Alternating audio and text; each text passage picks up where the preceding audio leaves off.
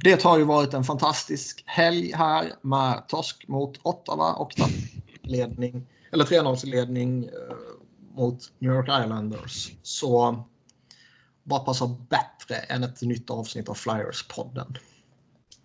Jag är eh, Niklas Wiberg och med mig har jag som vanligt Johan Gertz nu. Hur är det med dig? Oh. Ja, det var ju det var jävligt bra när jag gick och la mig efter 3-0. Sen gick det ut för. ja, för fan. Kan jag säga. Uh, nej, det är ja, deprimerande. Vi är ändå i mitten av november. Det är nu det brukar bli deprimerande. Mm. Man följer det här jävla laget. Men det var liksom vi pratade här innan vi började spela in att uh, de förtjänar ju verkligen inte att gå upp till 3-0. Nej. Det gick ju åt helvete för enkelt. Så de var inte så bra liksom. Alltså går man bara efter uh, hur de spelar så ska de vara glada att de fick en poäng.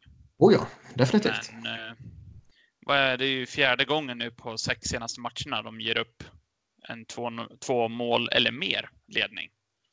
Ja, det, är det, är ju, det är ju inte jättebra, men man kan ju tycka att uh, man är ju inte förvånad med tanke på att de har, har de har väldigt svårt att stänga matcher. Mm.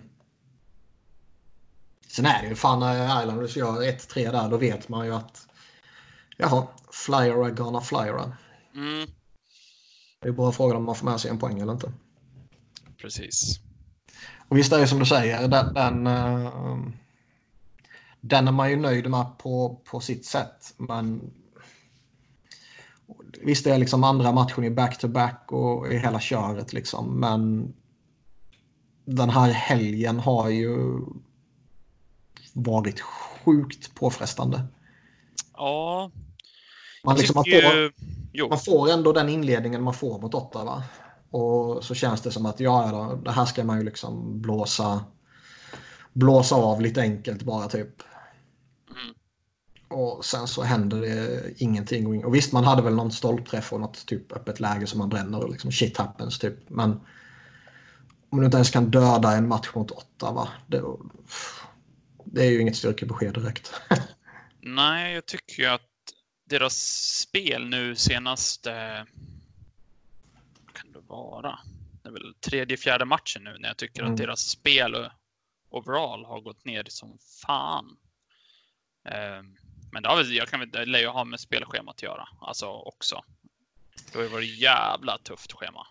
Ja, de spelar uh, hela tiden nu i november. Det är, uh, vad är det som mest två dagars vila? Eller? Tror jag. Precis, ja, jag tror det. Något sånt.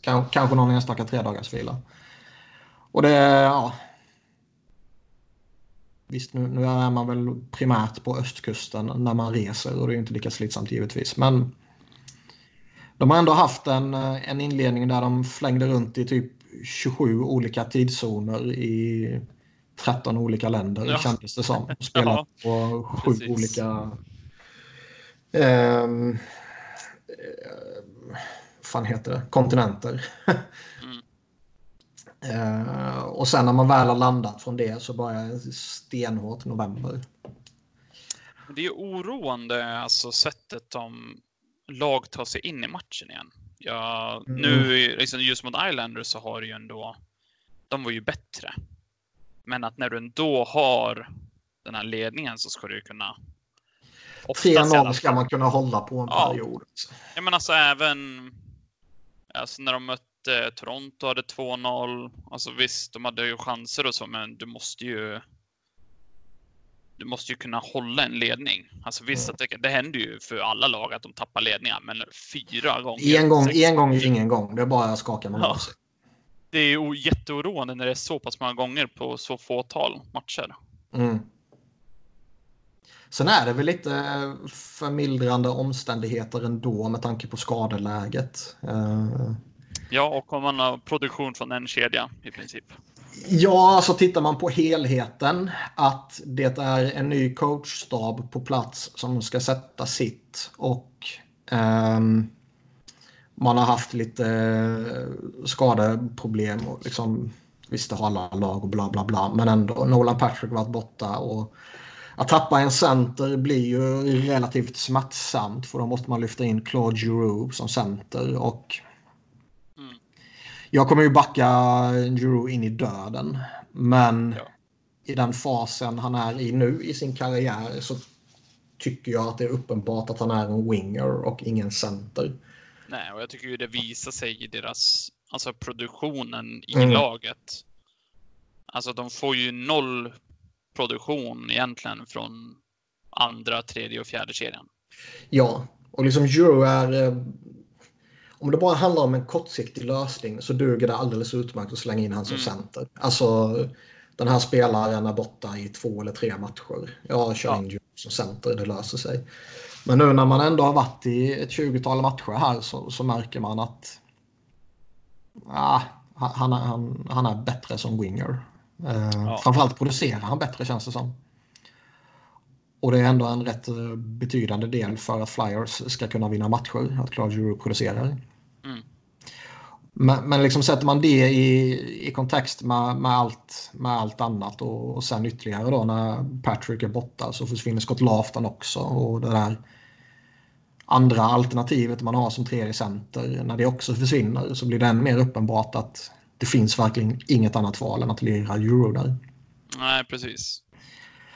Eh, och sen så tar man då hela den här säsongsinledningskaoset med resor och sånt som vi pratade innan. Och mm.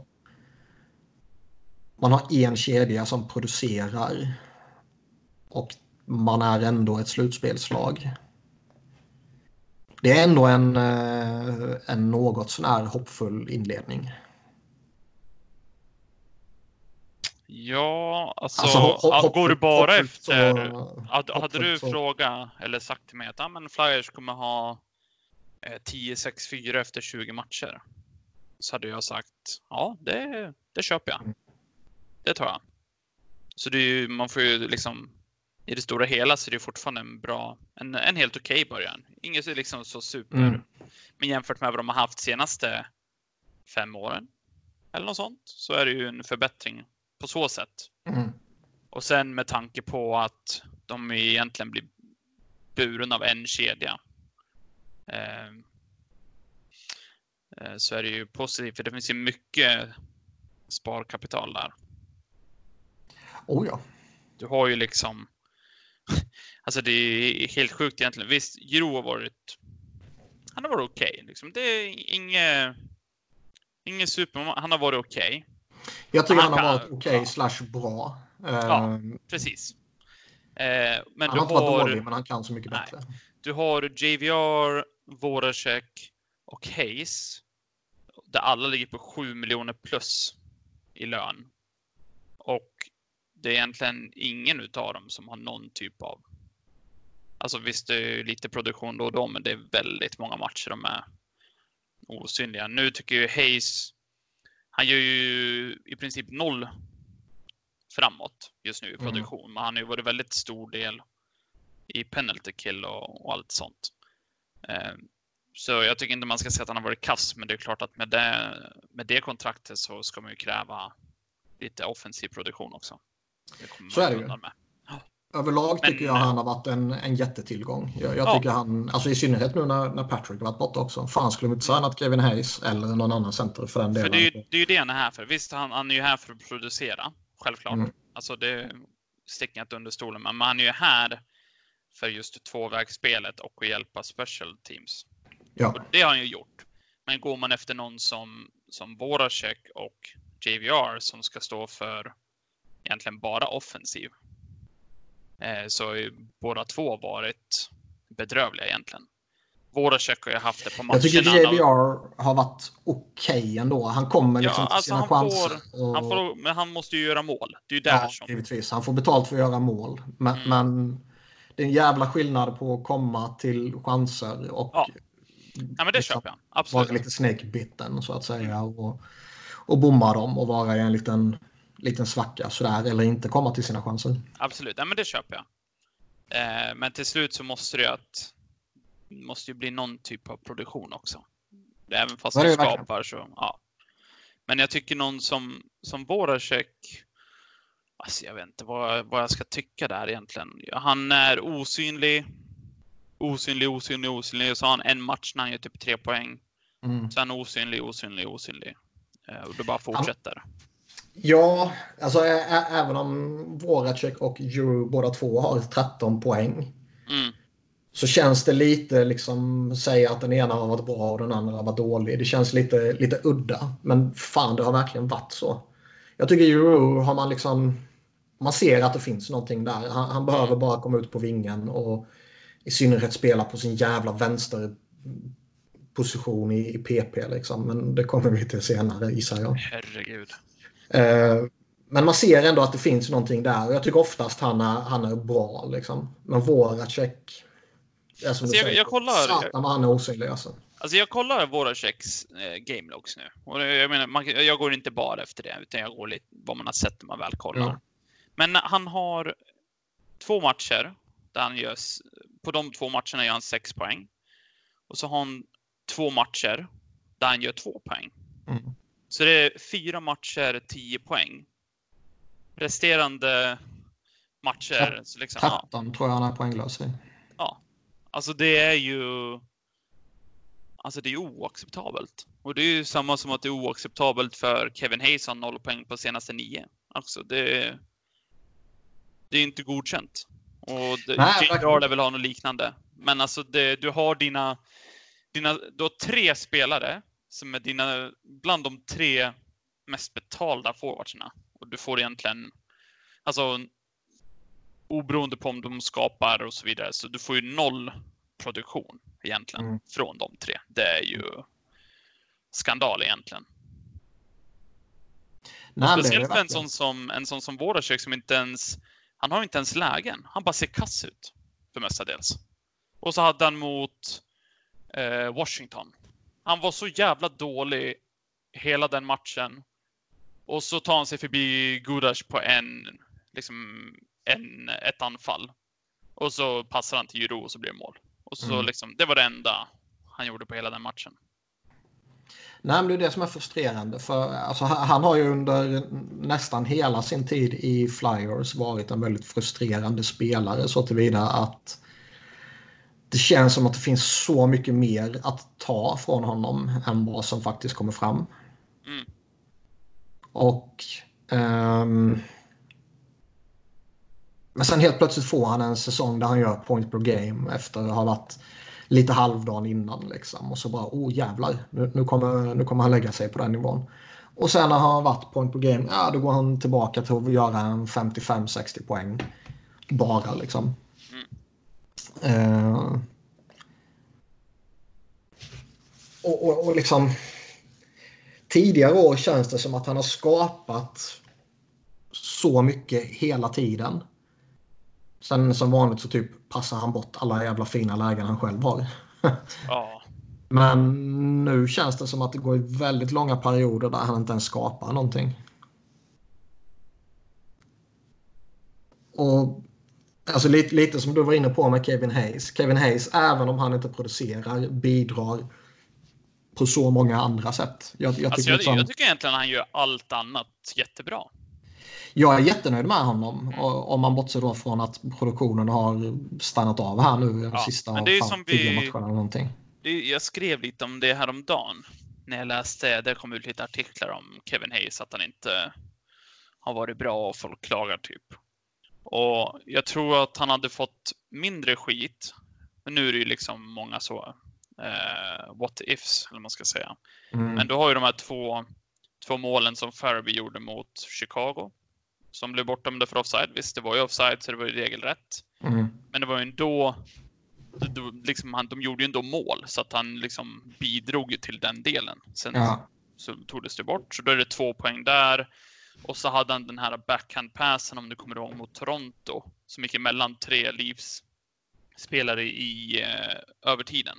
Mm. Där Provorov missade upp ett mål. Så jag menar, hade han gjort... Hade Provorov satt den där, det är tre poäng till. Då hade han ändå suttit på 12 poäng på 20 matcher. Och då hade man tänkt, ja men okej, okay. liksom det är inget super, men helt okej okay, liksom. Mm. Men det är ju såklart att det är ju sådana what ifs grejer. Nej, så är det. Sen, ty sen tycker jag han... Eh, det, det, känns ju liksom lite konstigt att säga att man behöver sätta honom i en bättre omgivning när han har spelat med JVR och Voracek. Det är ju saker fan man ska behöva säga då. Mm. Men jag tycker det är så jävla uppenbart att när man väl bara får antingen Lafton eller Patrick tillbaka och som snacket går nu så är det väl Lafton som kommer tillbaka först känns det som. Ja.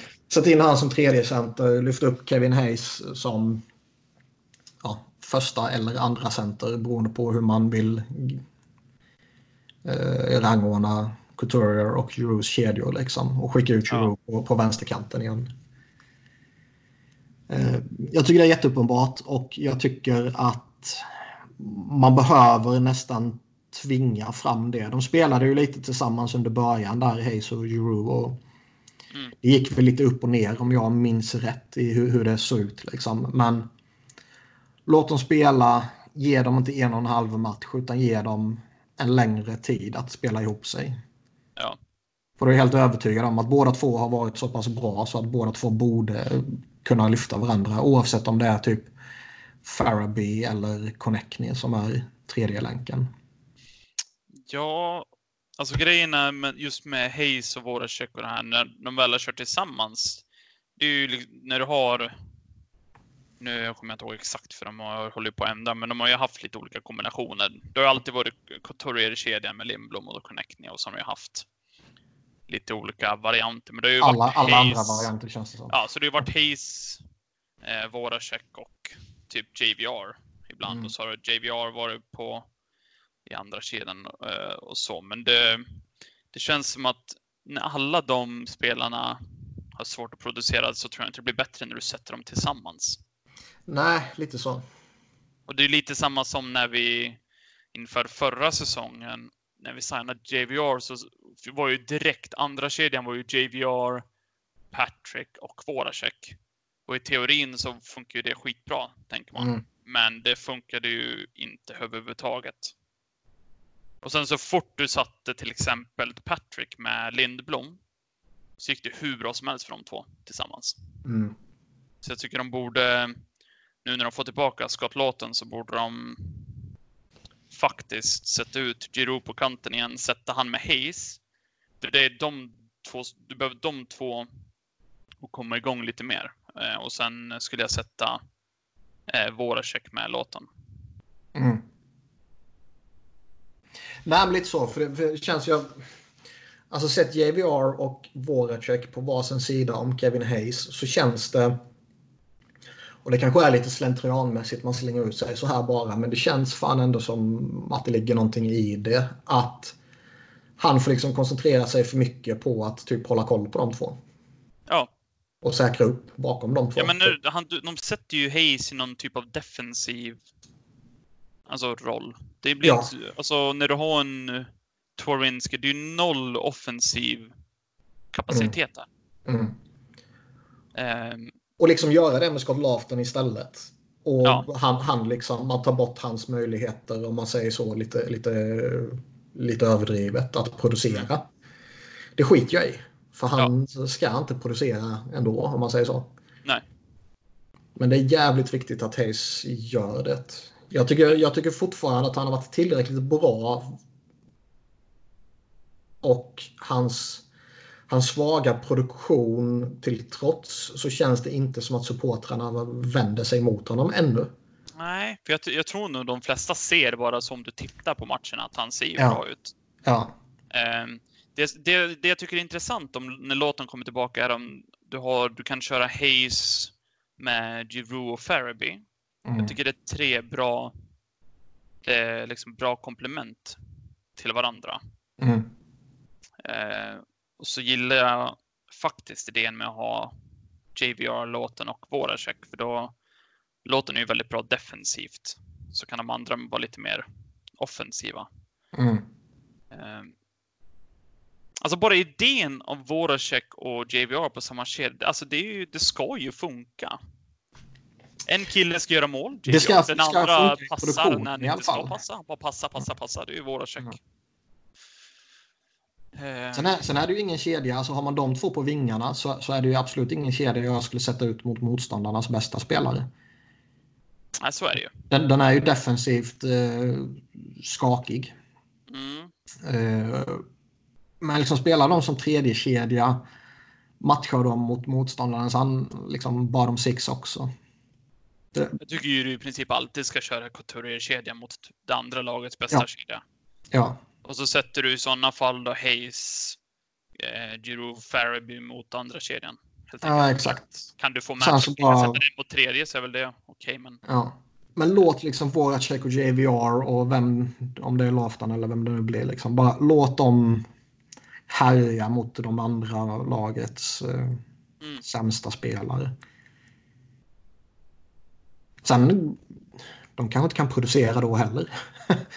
Men, och det är ju givetvis jätteoroande. Men um, det känns som att det är vad man måste göra.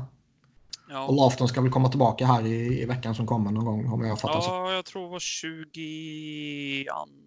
Ja. Jag läste. Nå något sånt ja. Mm. Uh, så det innebär ju att de har två matcher till. Där man kanske behöver uh, lösa någonting innan han då eventuellt är, är tillbaka. Ja.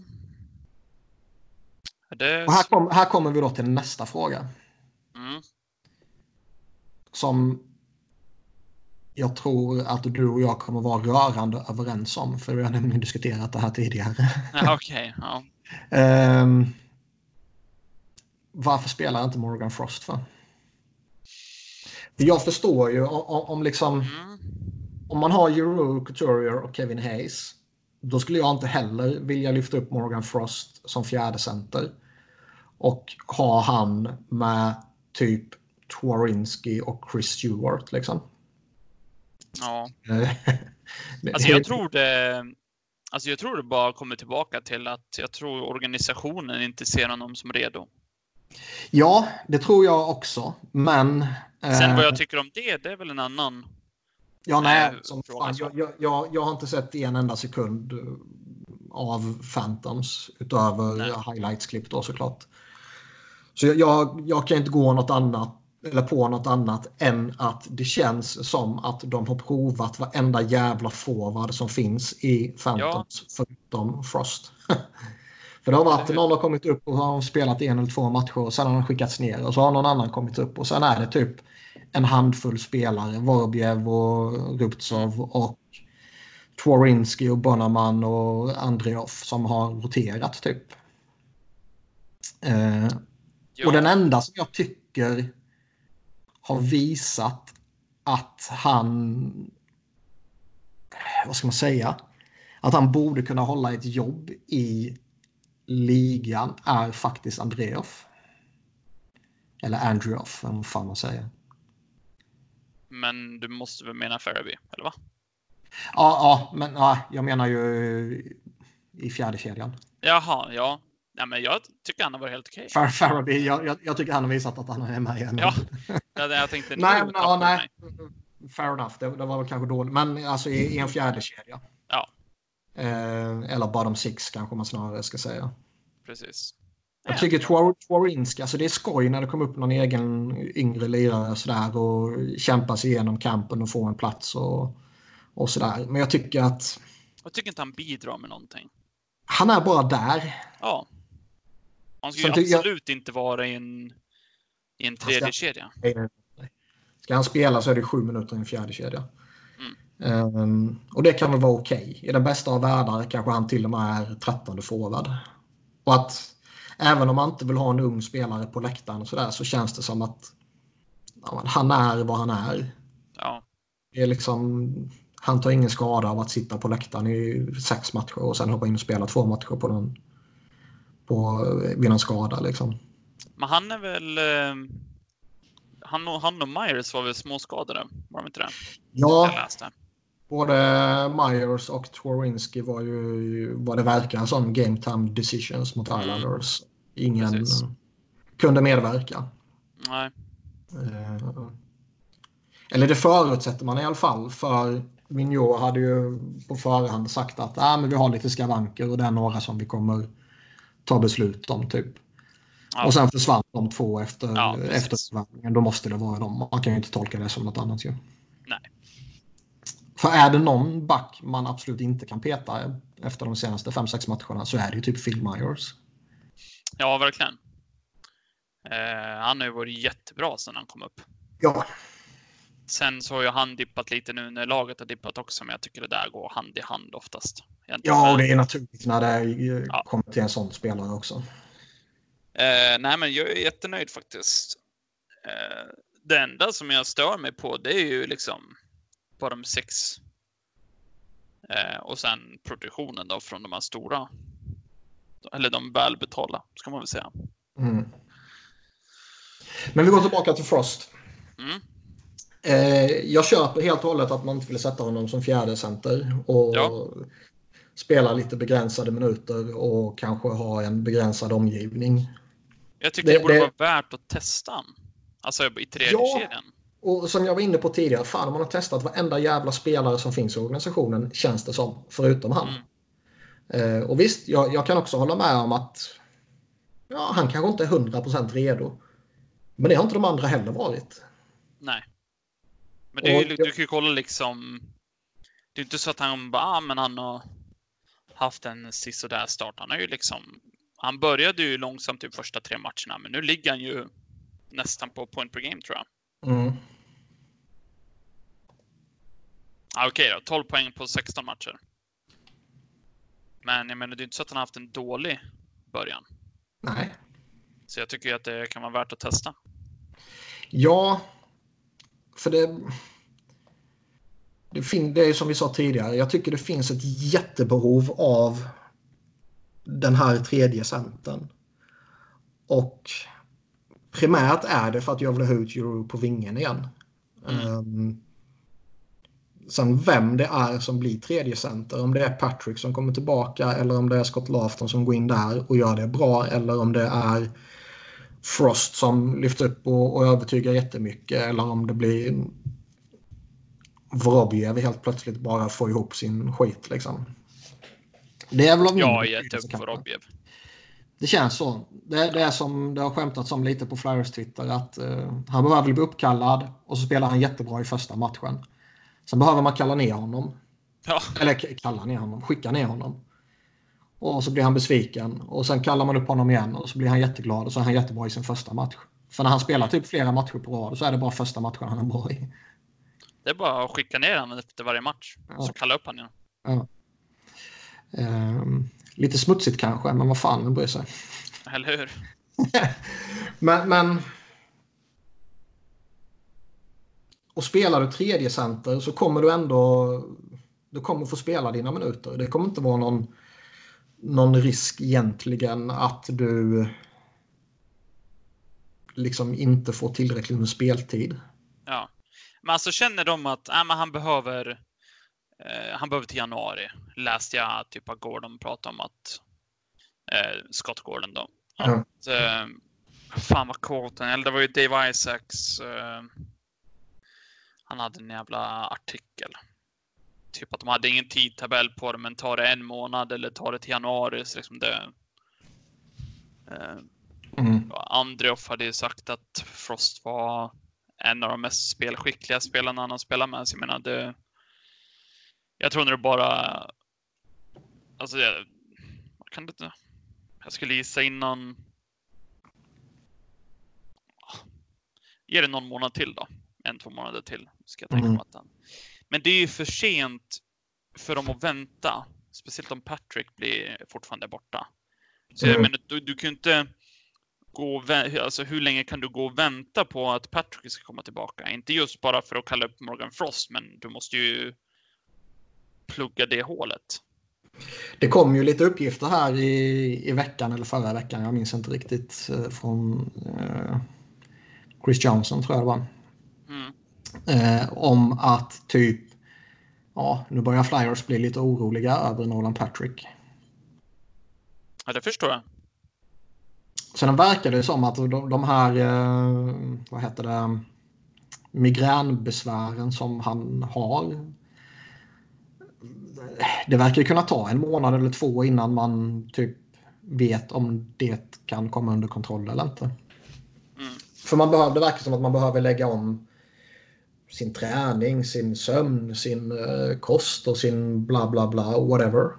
Jo, precis. För att få ordning på typ, balansen med medicinering och kunna leva sitt liv och hela det här köret. Och det är väl Rimligtvis får man väl anta att det blir en ännu större utmaning för en elitidrottare än vad det blir för alltså dig eller mig.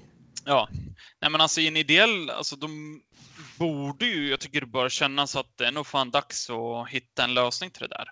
Ja. Och det är ju inte så jävla lätt att bara hitta någon så, men de hade ju, det är ju inte att de behöver bara, men han kan bara spela center. Kan man få in någon som är lite så Giroud-aktig, att ja, men du kan sätta han på center. Eh, för då kan du sätta låten på tredje kedjan fast på, på kanten där jag tycker han egentligen är som bäst. Ja. Eh, för jag tycker det, om de inte får någon, att det inte går framåt med Patrick, för det är ändå, då ändå så en säsong och du kan ju inte räkna med honom om han är borta. Så du kan ju inte vänta och vänta och vänta och vänta. Du måste ju. Eh, ja, du måste ju liksom. Du har ju någon typ av skyldighet kan jag tycka om du är Fletcher. Eh, och plugga igen det hålet. Och det är inte så, ja, att, ja. det är inte så att han kommer inte gå efter en som ska ersätta Patrick och så kommer inte Patrick ha någon platsen. Nej, det är ju någon rental man går efter. Typ. Ja, eller att, att du får in någon som kan spela på kanten också. Ja. Sen är det väl... Eh, kappen gör det kanske problematiskt, men man har ändå drygt 1,1 miljoner eller vad det är som man kan skaka loss med Robert Hagg. Eller Robert. Robert, Robert Hagg. Robert Hagg. Ja. Som ja, bevisligen är utanför laget nu då såklart. Mm. När Phil Myers har kommit upp och övertygat så mycket. Du har en mille där. Du kan skicka ner eh, till exempel Chris Stewart. Alltså, ja. Då har du nästan två mille. Sen är det såklart ja. svårt att eh, få ihop det. Men du kan ju sätta upp... De har väl inte Patrick på IR? Har de det? Eh, jo, det tror jag. Har de det? De har det enligt eh, cup-friendly i alla fall. Men räknas Men den... In, inte på försvinner kappen på den? Nej. Nej, för jag menar då får du man, bort man får, en mille till. Ja, man får en, uh, vad heter det, man får en, uh, en roster spot bara. För jag menar då har du ju tre mille. Men Cup Friendly kan ju, även om de är väldigt duktiga så kan de givetvis uh, mm. ha fel här också såklart. Ja, vi går efter att det inte är Då har du ju ändå runt tre mille. Mm. Sen är det ju klart att, vad fan. Det är inte lätt att få ihop allt. Men du Men någon lär ju behöva ge upp någonting också för att plugga det hålet. Så jag menar det... Tänker, men alltså det kan ju förmodligen vara vissa lag som kanske bara vill bli av med någon jävla gubbe. Ja. Vad de som ligger där nere. Jag kan inte komma på någon nu, men vad fan. Nej, men Minnesota, Detroit, Ottawa. Alltså, ja. Kan de få någon... För det känns ju nu att vi ändå spelar 20 matcher. Jag tycker att eh, är det liksom bara samma lika för Patrick, då är det ju dags att titta till det där tycker jag. Men så är det ju. Nu börjar man ju komma in i ett läge där man liksom behöver veta om han kan vara att räkna med inom en inte alltför avlägsen tid. För om man Precis. vet att liksom, okej okay, nu har nu har han gått på den här behandlingen i en månad.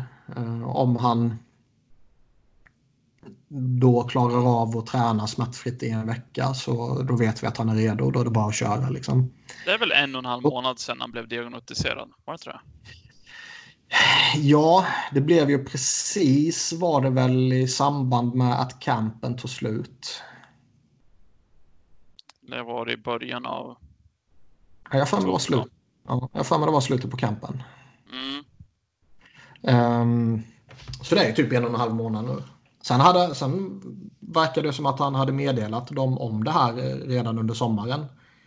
Men eh, det här är kanske också någonting som man inte... Alltså man kanske behöver...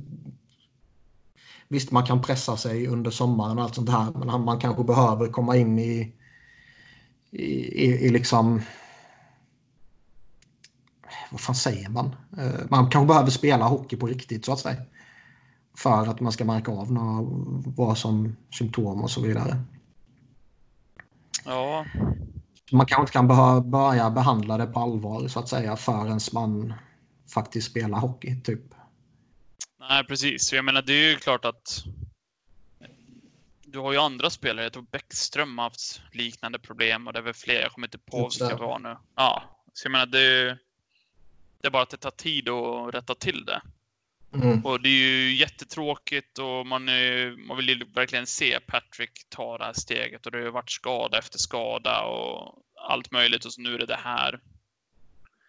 Men det är ju, vi snackar ju ändå om liksom en professionell sport. Så det måste ju, till slut så måste du ju plugga, plugga det hålet. Ja. Och det lättaste är att, ja men Morgan Frost är ju redo.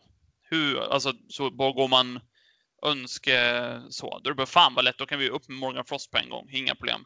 Mm. Ehm, men jag tror att hade de hade de varit lite, ja men han kanske är redo eller hade nog lite 50-50 så, ehm, då tror jag de hade kallat upp han och testa. Men jag tror att de verkligen känner att nej, men han behöver. Eh, ja, det är den han, be han behöver tre månader. Ja. ja, så är det. Det är den enda slutsatsen man ja. kan ta. Alltså jag köper det, men jag tycker att Ja, då får du ju lösa något annat, Mr Fletcher. Ja, för det är lite som du var inne på tidigare, att typ man har nästan en skyldighet att göra det. Lite som Ron Hextall pratade lite om att eh, när han gick efter Peter Mrazek när... Ja, men precis. Han kände att det var skyldighet. Elliot Neuwerf var det va, som gick sönder då va? Ja. Att de hade en skyldighet att, att ge det här laget en, en NHL-målvakt typ liksom. Mm något liknande tycker jag ändå man kan, man kan tillämpa här. Vad fan finns det för spelare man skulle kunna ta in då? Jag sitter och tittar runt lite men jag kan inte. Jag kan inte komma på någon. Luke Glendenning. Ja, du kan ju stänga av podden på en gång. um, vi kan göra det enkelt och bara gå och titta på Minnesotas lag på Cap Friendly. Min Minnesota. Ska vi se. Ryan Hartman. Ja. Det har Ryan Donado, det, hans namn har ju cirkulerat lite sådär att ja, vill de kanske släppa honom nu? För han har ju inte haft eh, en bra säsongsinledning. Och jävlar, han har bara tre poäng på 18 matcher. Men han känns ju inte som den här, eh, även om han kan spela center så känns ju inte han som, alltså det känns ju som en vinge liksom. Mm. Och skulle han, jag kanske skulle kunna tänka mig chansa på honom om han bara skulle haft kontrakt det här året ut också.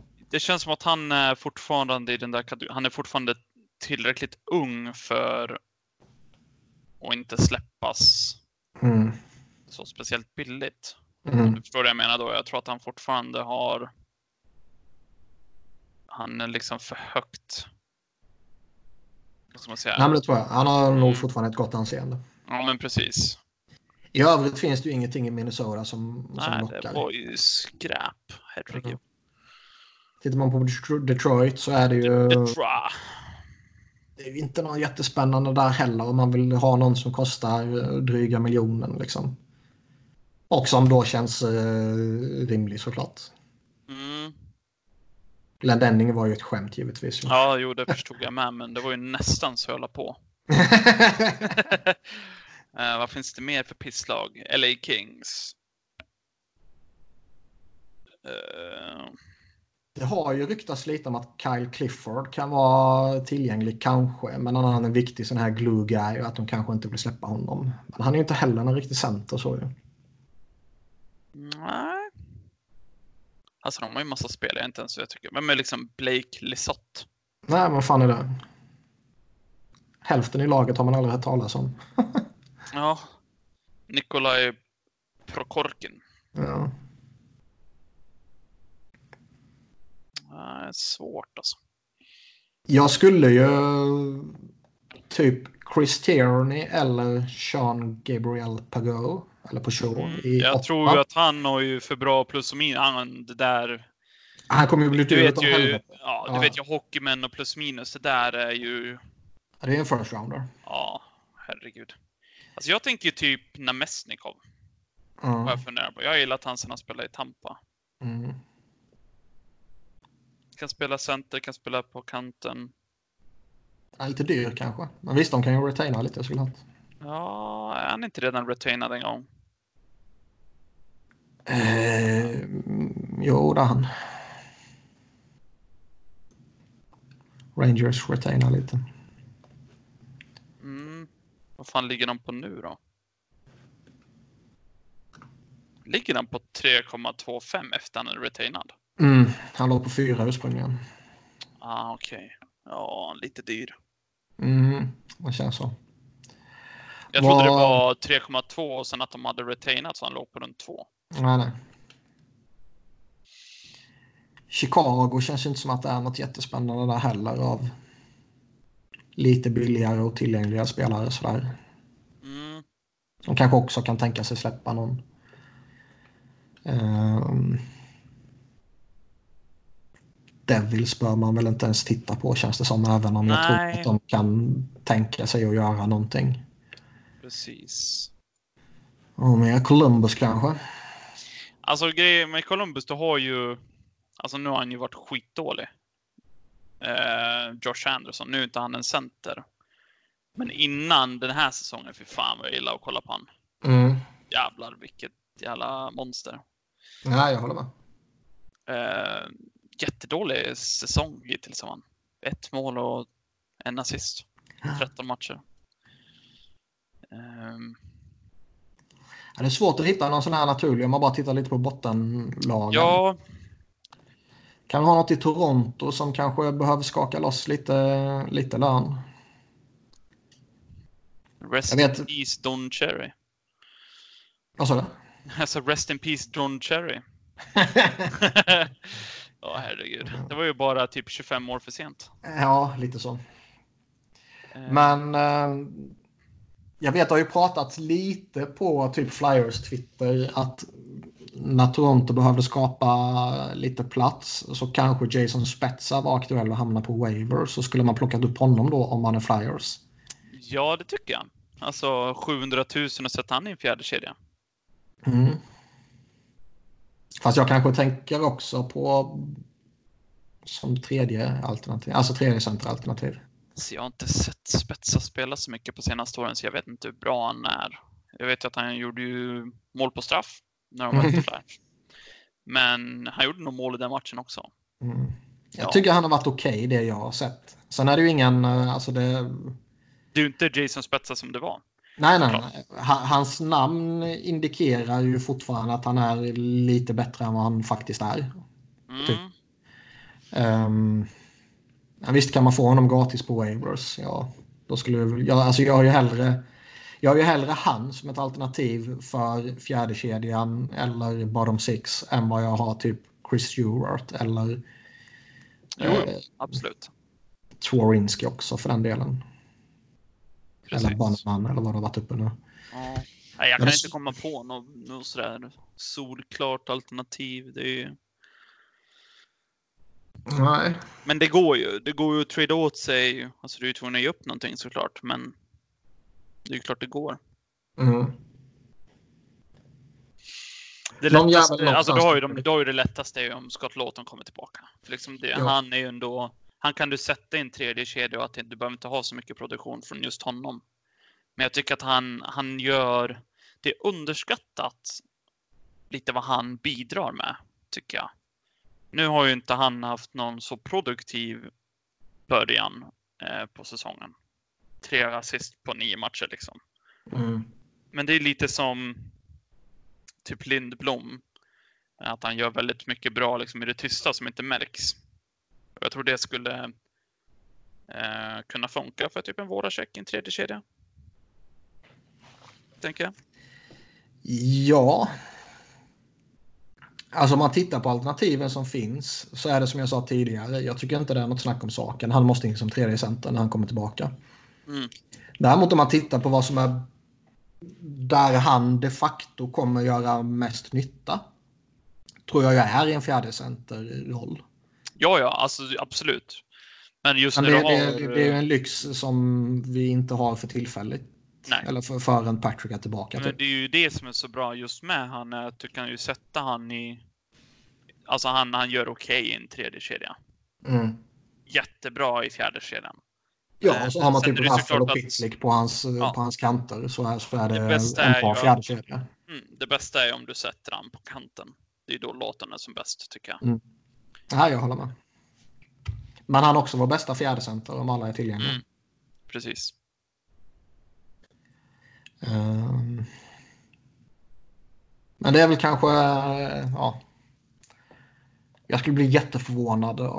Kanske, kanske inte att man sätter in honom direkt. Man kanske liksom sätter honom på en vinge eller i fjärde kedjan för att låta han trampa igång, typ.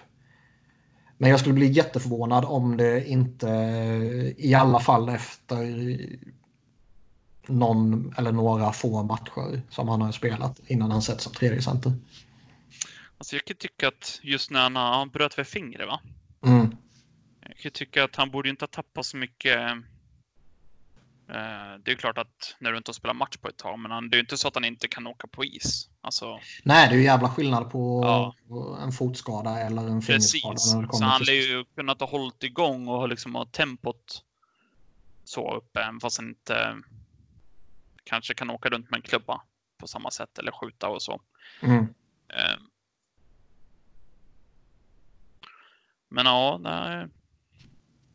Det, jag tror väl egentligen hela Flyers Twitter allihopa är rätt överens där att fan, de behöver ha ut Giro på kanten så fort de bara kan.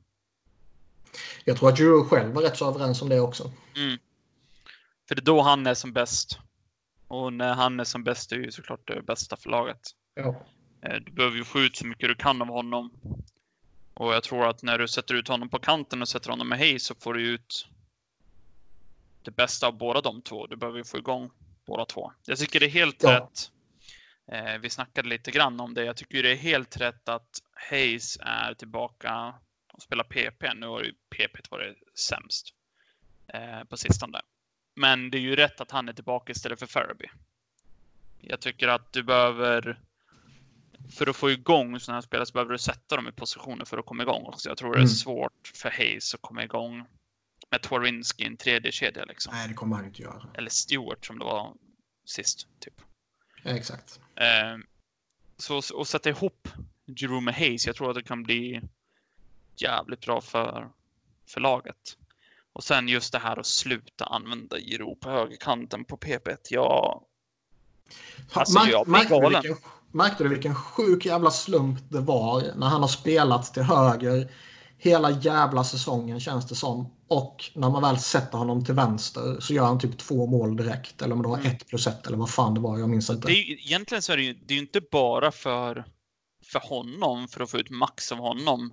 Det är men för du, får, du, har ju, ja, men du har ju ingen, liksom, du kan ju inte, alltså, man säger puck moment, det går ju så jävla långsamt där de har på andra sättet. Men bara titta, Giro har pucken och så lägger han över den till våra check så måste han ta emot den och så går det typ mm. två sekunder och sen passar han igen. De har ju ingen, alltså de har ju noll jävla de tar ju bort, rytm i skiten. De tar bort alla möjligheter till direktskott. Mm. Förutom, de har ju under, eh, under korta perioder känns det som, har de ju haft Connectney i slottet med Euro till höger. Då är det klart att man får ett direktskott där ju. Ja. Men det har väl, det har väl varit... Det känns som att det har varit väldigt få tillfällen. Är det någon, alltså Connectney är ju bra att köra på högerkanten i PP1. Mm. Han är ju bra att ta du vet, så här, två skär in och sen mm. utan. Han har ju gjort massa sådana mål. Eh, men det är ju inte Giros grej. Nej, nej. Man ser på honom, det enda han har att göra det är att typ ta ett eget skott.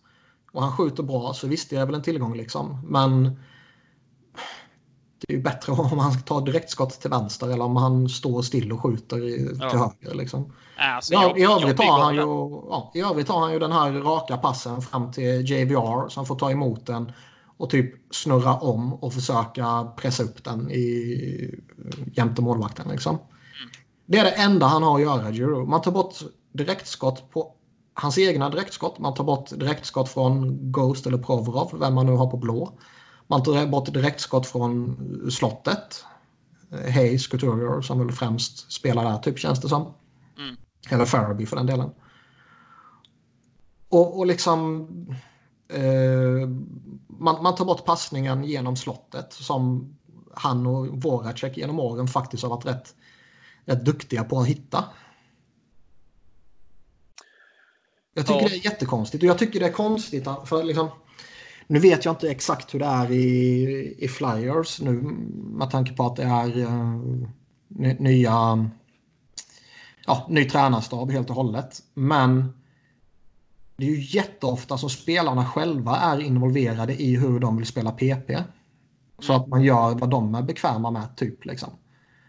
Uh, jag kan ju inte i min vildaste fantasi tänka mig att Claude Giroux som i typ tio år har varit ligans kanske bästa spelare eller playmaker liksom i powerplay.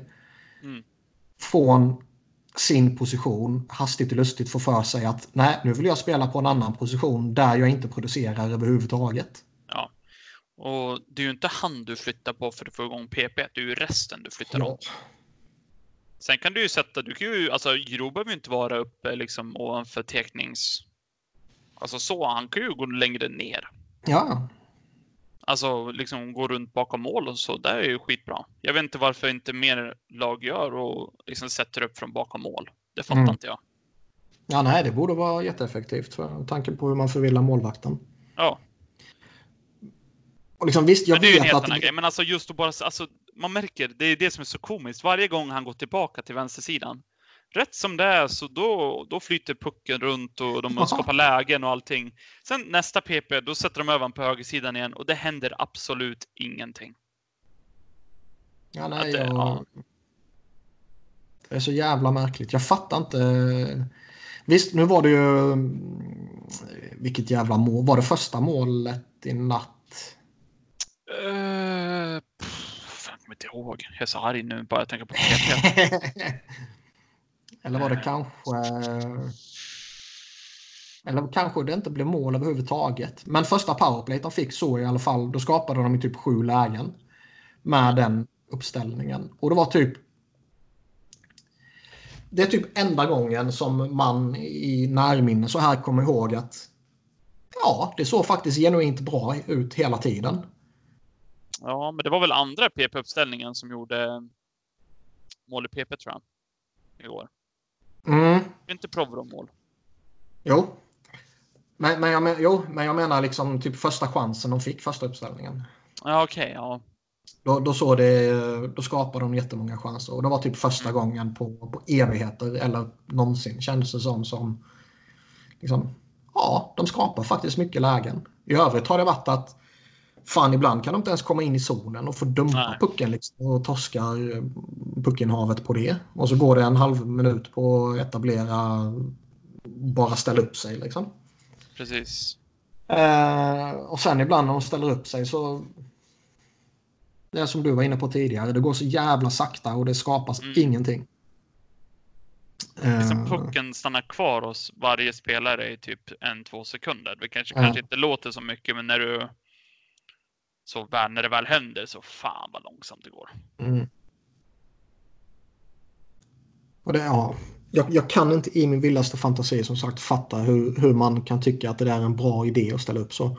Nu vet jag att det är fler lag som gör det i ligan. Men det, det beror ju helt på, alltså vissa spelare som sagt, det passar ju. Alltså Connect är ju jättebra på den sidan. Ja. Alltså det passar honom utmärkt. Men det, så det är ju inte det som är det är ju att det inte passar Giro. Och det är ju så jävla ja, självklart att det inte passar honom. Mm. Det är ju det som är det, problem. Ja. Liksom. Det är så jävla typiskt också att när, när vi har haft ett, ett jättebra powerplay i många år så har PK varit helt värdelöst. Och nu tvärtom. Och nu när vi äntligen har fått ordning på, på lite PK så powerplay, i alla fall första uppställningen, så jävla alltså, värdelöst. Det är ju samma sak. Är det, det är typ är det någonting som man lär sig med Flyers, det är att när, när, när någon i det laget liksom, ah, man spelar rätt kast, då är fan alla sämst. Mm. Eh, är PK bra, då suger PP. Är PP bra, då suger PK. Gör de mycket mål, då släpper de in mycket mål. Mm. Eh, och gör de inte mål, som nu, nu brukar de göra de inte så mycket, då brukar de inte släppa in så mycket heller. Det är liksom alltid någonting som, som gör att de inte liksom kan ta nästa steg. Alltid, är det något som är bra så är det något annat som är jävligt kast. Ja. Nu är ju deras PP ligger ju på typ 20 procent. Ja. Och det, landar, man på, ju... landar man på 20 procent efter 82 matcher så är det ju en bra siffra liksom. Ja. Men... Så det är mer eh, att de har fått igång andra uppställningen, vilket är skit. Exakt. Alltså Couturier eh, linan överhuvudtaget. Skitbra. Alltså 5 mot 5. Ja, den bär ju laget ju. Ja, alltså du har ju. Alltså man tänker ju så här Couturier Connecting, men det är ju egentligen Couturier Lindblom, för de spelar ju alltid tillsammans. PK, PP, mm. 5 mot 5. Um, ehm, nu spelar ju inte P Connecting PK, vilket i och för sig hade varit kul att se. Um, men det är ju verkligen de tre som, som bär det här laget. Så är det. Och det är jävligt kul eftersom eh, Lindblom och Connectney, det är ju sen nästa, eller alltså, Couturier räknas väl också, han är väl fortfarande jävligt ung. Det är ju liksom den här andra generationen, så man har ju alltid tänkt att ja, men efter Euro Voracek, fan, det är inte så jättemycket där. Men eh, alltså så off hög eh, offensiv. Men början i alla fall, det är lovande. Speciellt. Ja, verkligen. Det... Och jag menar, det hackar, i, det hackar i rätt bra nu om liksom Connecting och Lindblom när de är några år över 20 nu, om de lyckas etablera sig så att de är etablerade på en hög nivå när Faraby och Frost och sådär liksom ska och Patrick förhoppningsvis också då kan, kan eh, alltså när det är dags för dem att ta det där steget. Precis. Nej, så det... Det är ju lovande på så sätt, men eh, mm. fan. Om man ser veteranerna som ska visa vägen, det gör de ju inte och det har man ju haft lite åsikter om att de alltid varit så jävla långsamma på att starta och allt sånt där genom alla år. Och då kan man ju tycka att ja, men det kommer vi tillbaka till att veteranerna på något sätt ska visa vägen, vilket de inte alltid gör. Mm. Eh, om vi ändå pratar veteraner som visar vägen så tycker jag fan att vi måste hylla Matt Niskanen. Han har varit grym. Man var givetvis skeptisk till traden när den genomfördes. Kanske inte, kanske inte egentligen att man byter Niskanen mot Gudash. Där, där tycker jag ändå att det fanns liksom en det, fanns ju en, det finns ju en större uppsida i Niskanen än vad det finns i Gudash. Mm. Sen, sen var ju risken var ju snarare liksom typ är, kanske, är det kanske för liten sannolikhet att han kommer nå den här uppsidan. Uh, för han behövde ju studsa tillbaka jämfört med han varit de senaste typ två åren. Liksom. Mm. Och sen så irriterar det givetvis att man retainar lite. Men helvete vad bra han har varit. Han har, jag tycker han har överträffat alla förväntningar. Ja, alltså han har ju varit, jag tror inte han skulle spela powerplay. Ju sägas. Nej, Men nej, han har ju varit bra där också. Mm. Eh, han känns stabil. Justin Brown däremot har vi varit lite åt andra hållet. Men eh, Ja, men han... Man fick ju verkligen vad man behövde när man tog in Niskanen. Kan jag ju säga. Mm. Uh, absolut. Och jag tycker han... Uh, han, har, han och Provorov har funkat jävligt bra tillsammans också. Jag tycker Provorov tyckte jag var... De första matcherna på säsongen så tyckte jag att man såg lite att fan de här misstagen som han gjorde förra året, de hänger kvar fortfarande. Mm. Men typ efter de första, jag vet inte, tre eller fyra matcherna kanske, så tycker jag han har varit genuint jättebra. Ja, jag tror han, jag tror där kommer tillbaka till spelsystem. För jag läste en intervju med honom och då sa han att i början av säsongen så kom han på sig själv att fan, här ska inte jag vara utan jag ska vara här. Typ. Ja. Och att det tog ett tag innan han kom in i det. Men, och det tycker jag går ihop med hur det såg ut också. Nu jag för mig han pra pratade inte han lite i någon intervju också lite om varför det gick som det gick förra året. Om det var om det var kontraktsosäkerheten som hängde över honom och sådär eller vad det kunde vara. Men, ja, eh, jag kommer inte ihåg det där exakt. Han, jag för mig, han snackade lite om att uh, nej, det var inte så farligt för jag visste att jag skulle vara kvar här. Det var värre när man flyttade till juniorligan eller vad det nu skulle vara liksom. Mm. Uh, utan att det var lite taktiska saker. Ja, Ja, det kan nog stämma. Jag kommer fan inte ihåg alltså. Jag säger, jag säger inte att jag letar efter möjligheter att slänga skit på Dave Hackstall.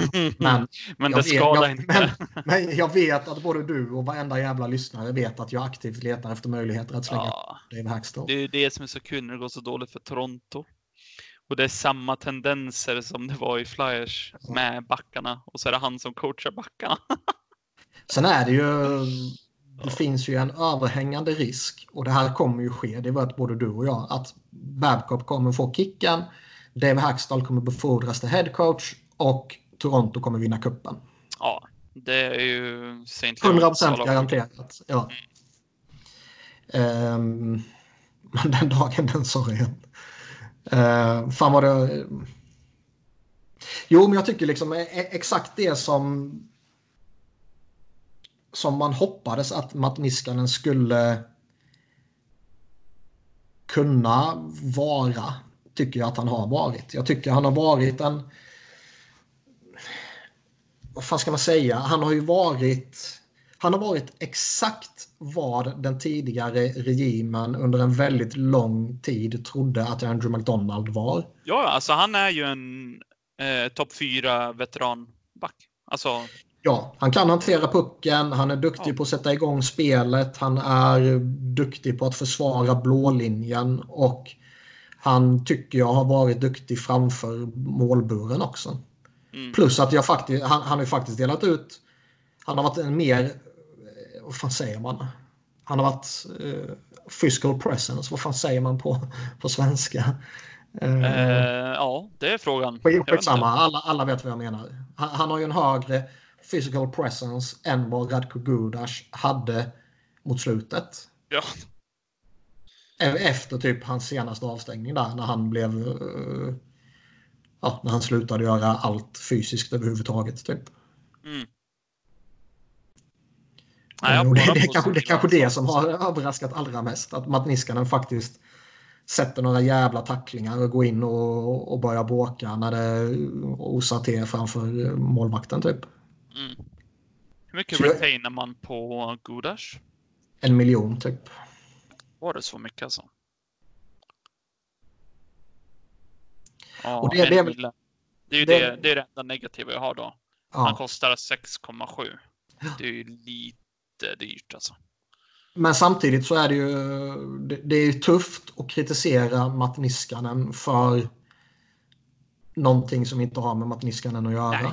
Nej, nej, det var inte mer. Det var ju mer. Eh, nej, jag menar inte. Äh, negativ, äh, nej, nej.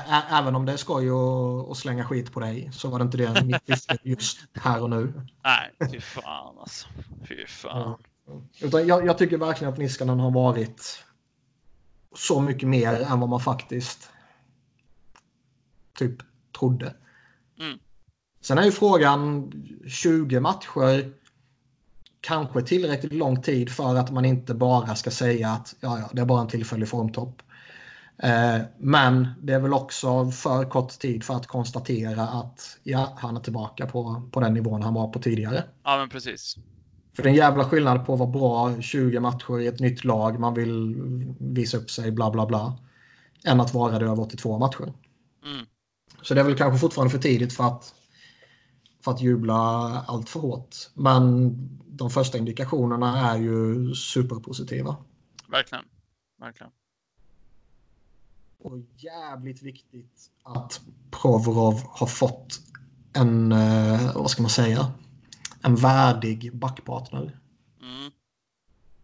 Liksom, visst, både Sunheim och Ghost, när det har funkat, har ju varit liksom värdiga backpartners, som man säger så. Men det känns som att båda de har varit nödlösningar. Ja, Nej, alltså nu när de har kallat upp Myers så jag har inga... Alltså visst, det är ju klart att de kan ju spela bättre och allt sånt där, men... Eh, ja, nu har man ju sex bästa möjliga. Ja, mer än så tycker jag. Alltså, det är klart man vill att han ska spela bättre. Men du har ju ändå Meyer som är ny i ligan, Sanheim är fortfarande ung, Provorov ung. Alltså det kommer... alltså hela laget egentligen, du har ju massa unga spelare. Alltså det, ja. det kommer ju inte att gå bara uppåt, utan det kommer vara svackor och det är ju så som det är. Jo, det är ju så. Och det är därför det blir extra mer frustrerande för att gå tillbaka till typ Voracek och JVR och vissa andra av de gamla. Mm. Att liksom, det är ju de som måste vara den, ligga på den höga jämna nivån för att man ska ja. kunna kompensera för att de här unga eh, går lite upp och ner. Alltså ja. även en sån som Connectney eller Lindblom skulle ju kunna gå lite upp och ner. Nu har ju de ja.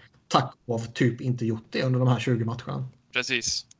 Man och det tänk... kommer de att göra. De kommer ju inte fortsätta så här i liksom alla matcher. Det kommer ju vara alla, såklart att alla spelare har ju dippar. Mm. Men vi är 20 matcher in och du har alltså Hayes, JVR och Voracek som egentligen inte haft någon, alltså bara en, två matcher av de 20 som har varit, ja men det här är, liksom, de var bäst på isen. Ja. Alltså, det har inte hänt mer än en, två gånger. Mm. Och det är ju inte bra. Nej, nej. Och sen att de fortfarande har vunnit så här många matcher. Även fast det, det är ju ett så styrkebesked kan man väl tycka. Ja, det är, ju, det är ju jävligt intressant för man har liksom... Ja, man är på slutspelsplats nu. Det skiljer eh, en poäng upp till topp tre i, i Metropolitan. Och det enda som känns som att det har varit genuint positivt och övertygande alla 20 matcherna är ju typ Couturier-kedjan och eh, PK. Ja. Och första backparet. Ja, första backparet. Uh, I övrigt har det varit skakigt på... Uh, alla håll. Vi, uh, nej, men alla håll periodvis. Sen har det varit lite längre eller lite kortare perioder. Men mm. i princip alla andra faktorer, till och med liksom Giroux och Carter Hart och allt däremellan har ju varit mer eller mindre skakiga under perioder. Precis. Um, och jag tror det, det är en mix av lite olika saker. Jag tror det är att det är många unga som innan. Mm. Jag tror att det är en mix av att det är liksom helt ny coaching staff, allting är nytt system, allting. Mm. För vissa, eh, alltså jag tycker det känns logiskt när man tänker att om, om du hade frågat mig vilka spelare tror du kommer att anpassa sig snabbast? Ja, då är ju Lindblom och Couturier de två första jag tänker på. Ja. Eh, bara på så hur smarta de är som spelare. Och sen jag skulle, jag skulle kunna... tror jag mer har med att göra att jag tror att det är hans liksom breakout. Jag tror systemmässigt tror jag inte det spelar någon större roll. Jag tror bara att jag skulle, jag skulle väl kunna säga om det, om det finns någon spelare i laget som liksom, om du bara skulle släppa han loss. Vem skulle breaka då typ liksom? Då är det ju han ju. Ja, precis. Och det känns lite som att han... Eh, och det är lite som man såg med Faraby tidigare. Han petades ju här i... När fan var det? Ja, det var Caps var det va? Mm. Petades han efter halva matchen eller vad det var. Och där vet man ju att för ett år sedan skulle han nu vara utanför laget de efterföljande fem ja. matcherna. Och kanske till och med nedskickad igen. Ja, typ som Lindblom förra ja, året. Ja, men eh, slängs direkt in igen i topp 6.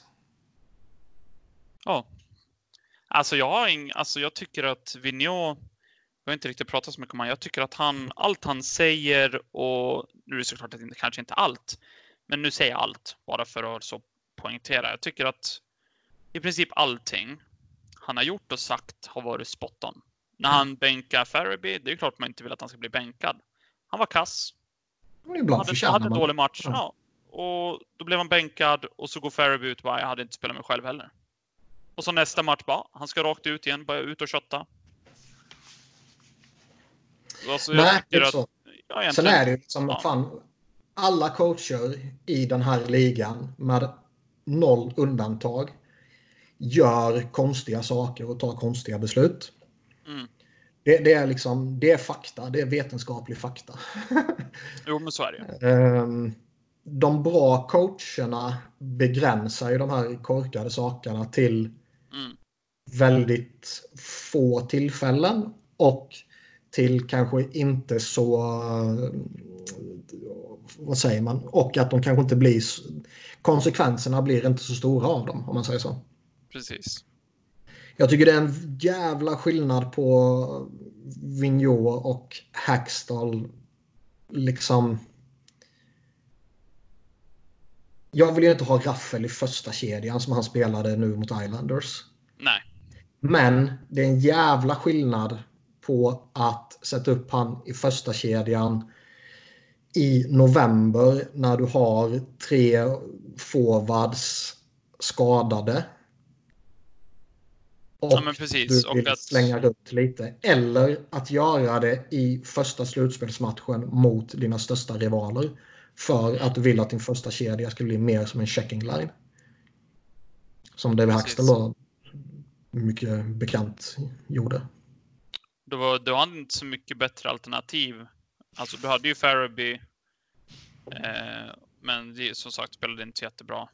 Eh, du hade, hade ju inte så mycket andra alternativ. Heller. Nej. För du splittrar ju inte upp din enda fungerande lina som liksom burit dig hittills för att liksom sätta in connector där. Sen går det ju, så är det ju klart att man kan experimentera. Alltså de, de, de snurrade ju lite på Faraby och connecting. Mot ja. Islanders. Nej men alltså det, så det går ju så går att göra, men det är inte så att du blir någon permanent. Men det går ju som sagt. Det, mm. det jag tycker han har gjort bra, Vinio, är att han har under matcher så ser han vilka som vilka som spelar bra, vilka som spelar mindre bra. Så det var ju mot, var det mot Toronto? Fjärde kedjan spelade rätt mycket. Mer än vad de kanske så borde ha gjort egentligen. Ja, Men de, de spelar ju bra och vann hela sina liksom, matchups hela tiden. Mm. Eh, så jag menar, jag har inga problem alls med, med sånt. Nej, nej. Det är. Sen vill man ju hellre att det ska vara typ en, en av de andra tre mer offensiva kedjorna. Men jag menar, är din fjärde kedja bra och hela tiden ja, helt enkelt spela bra. Vad fan, det är klart de ska spela. Mm. Ja, jag håller med helt och hållet. Jag, jag tycker också att han... Uh... Han har ju bänkat Voracek flera gånger för att han inte har spelat bra. Helt rätt. Ja, och jag tycker också det, det var ju mycket snack det här när han gick ut och, och hängde ut typ Drew Voracek. Liksom att mina två bästa spelare måste vara mina bästa spelare. Typ. Mm. Uh, det kan ju vara kontroversiellt givetvis. Men det verkar ju också som att han gick och sa det face to face till de två först. Ja. Och snackade med dem och förklarade för dem att typ så här är det. Och sen gå ut och säga det i media. Det, det är ju en jävla skillnad. Och sen så jämför man med ja, Montgomery i Dallas till exempel. Ja. Som typ efter en förlust är lite ledsen och slänger Ben och Segwin under bussen och sen så typ dagen efter måste ställa sig upp inför laget och be om ursäkt. Precis. Det, det... Å ena sidan kan jag tycka det är bra att man liksom inser att jag gjorde fel, jag måste be om ursäkt. Å andra sidan så tycker jag det är eh, tendenser på att man kanske inte är så stark ledare som man borde vara. Mm. I något konstigt resonemang. Jag vet inte riktigt vad, vad man landar i men jag är lite tur. Um... Nej, men i princip allt sånt där, om, om det handlar om vad han har sagt, vad han har gjort för beslut, så är det klart att alla gör misstag. Eller alltså, du är inte en tränare som, men till exempel som när de hade straffläggning mot eh... Ja, vad fan var det? Skitsamma, de hade någon straffläggning och de satte på. Det så många mot slutet. Ja. ja. Det var ju ett misstag. Eh, Connecting var inte ens en av de första tre. Mm.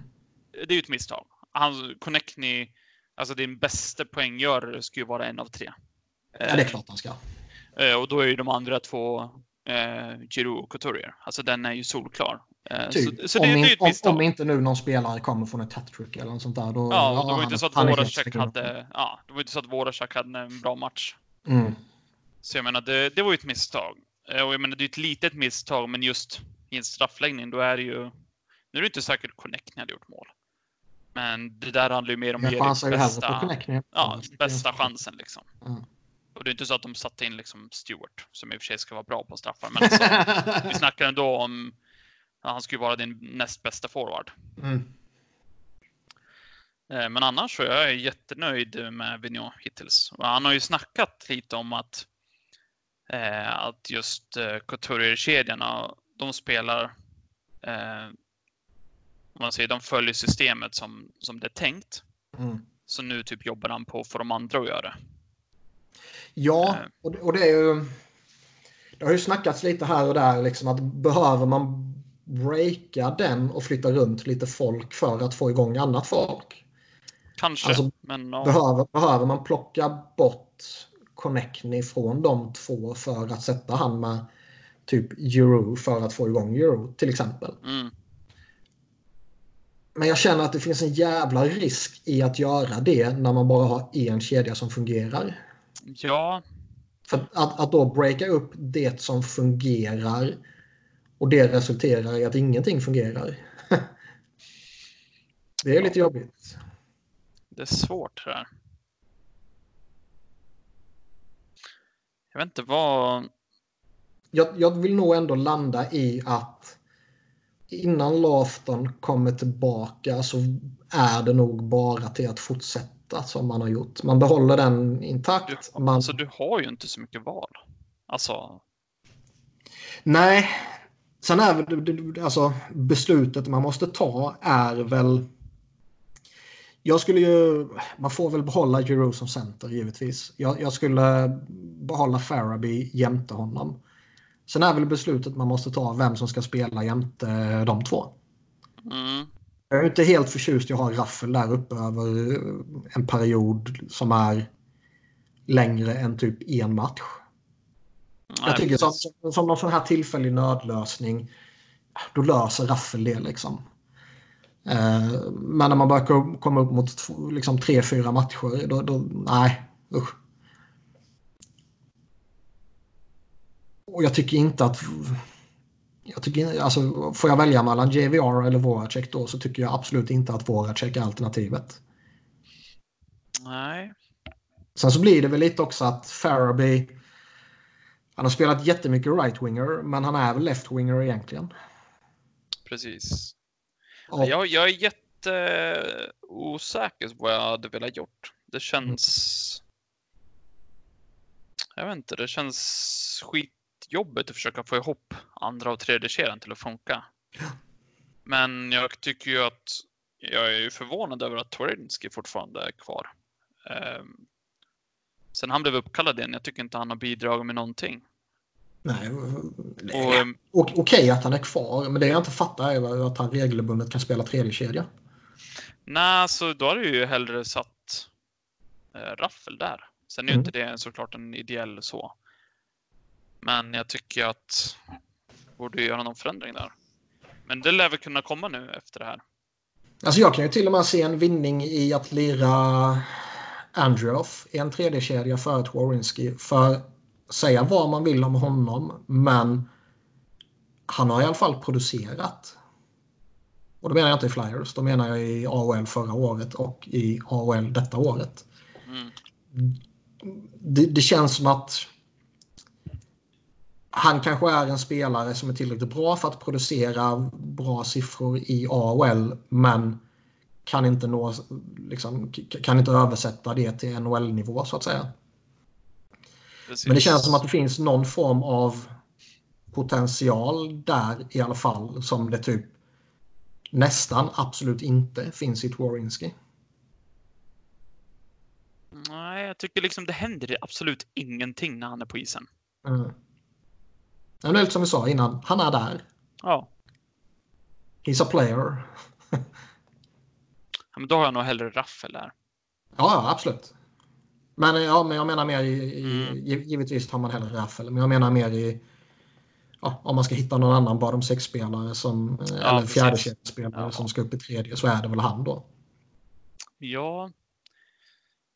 Man hade väl lite högre förhoppningar på Pitlick. Annars så hade, hade vi haft till exempel kvar Hartman. Så hade man ju kunnat haft han i tredje kedjan. Jag är inte jättemissnöjd med Pit, The Pitlicker ändå. Han, han, heter, han heter The Pitlicker.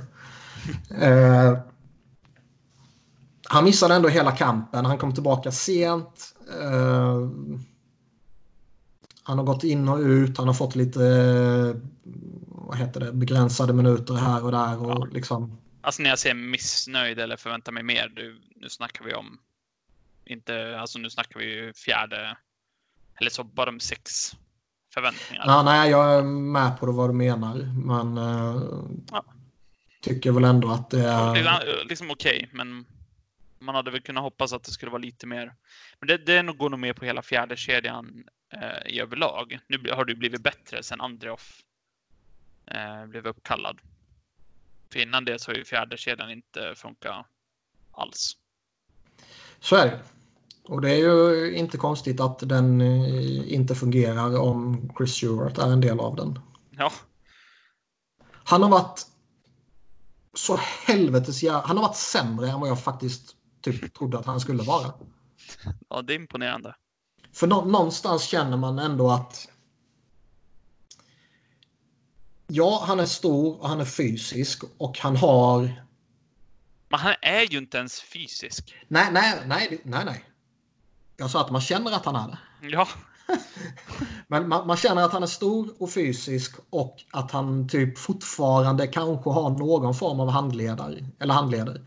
Det, det, det, är liksom allt det här jävla snacket om att han är så jävla bra på straffar. Och, och man har ju sett lite highlights-klipp de här sista åren där han...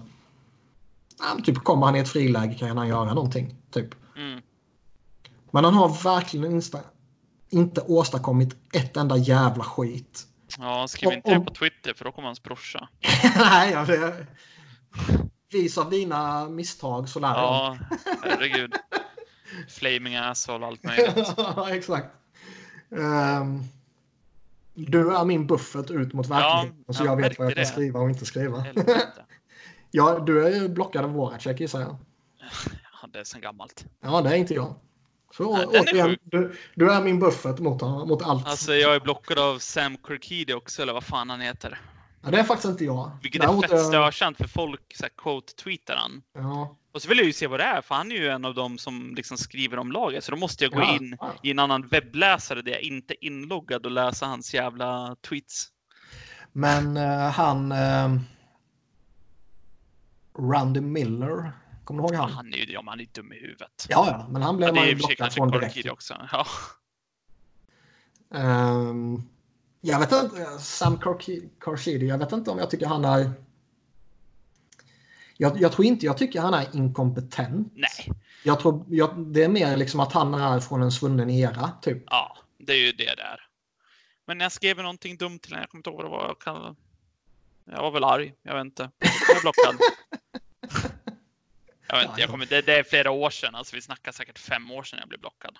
Eh. Alltså skulle, jag vara han skulle jag ju också ha blockat dig för länge sedan. Ja, alltså jag förstår ju hans sida, men jag tycker att fan. vad, eh, vad fan var Jo, Stuart. Jag tycker liksom att det har funnits ett tillfälle den här jävla säsongen där han har kunnat visa att han kan vara en tillgång för laget. Och det är Pittsburgh-matchen. Ja, där, han ju slåss med tanke på hur den bara gick helt jävla åt helvete. Och han typ på fyra minuter lyckas vara inne på tre baklängesmål. Så det är imponerande. Ja, men är det någonting som han faktiskt ska kunna bidra med i det här jävla laget om man ska liksom kunna förklara hans existens med någonting så ska det kunna vara att man ska kunna peka på den matchen och säga att titta här, allting gick åt helvete. Men han gick bananas. Han åkte runt och tacklade allt och alla. Han fightade som visade så att det här inte är eh, tolererbart.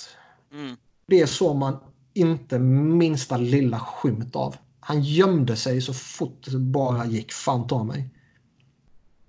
Och liksom, nu är jag ju medveten om att han är inte fysisk. Men man har ju den, det är som jag sa tidigare, man har ju den bilden av att han är det och ska vara det. Mm.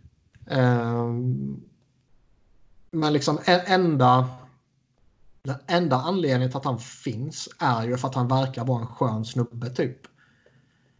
Uh, och visst, det, det, är liksom inte obetydliga saker och jag tror att sådana spelare är uppskattade bland de övriga spelarna. Liksom. Ja. Ja, verkar som en schysst snubbe liksom. Skön. Men om han är så jävla schysst och om han är så duktig på att ta hand om kidsen och uppmuntra dem och, och visa dem liksom. Signa honom till en materialare eller assisterande. Ja.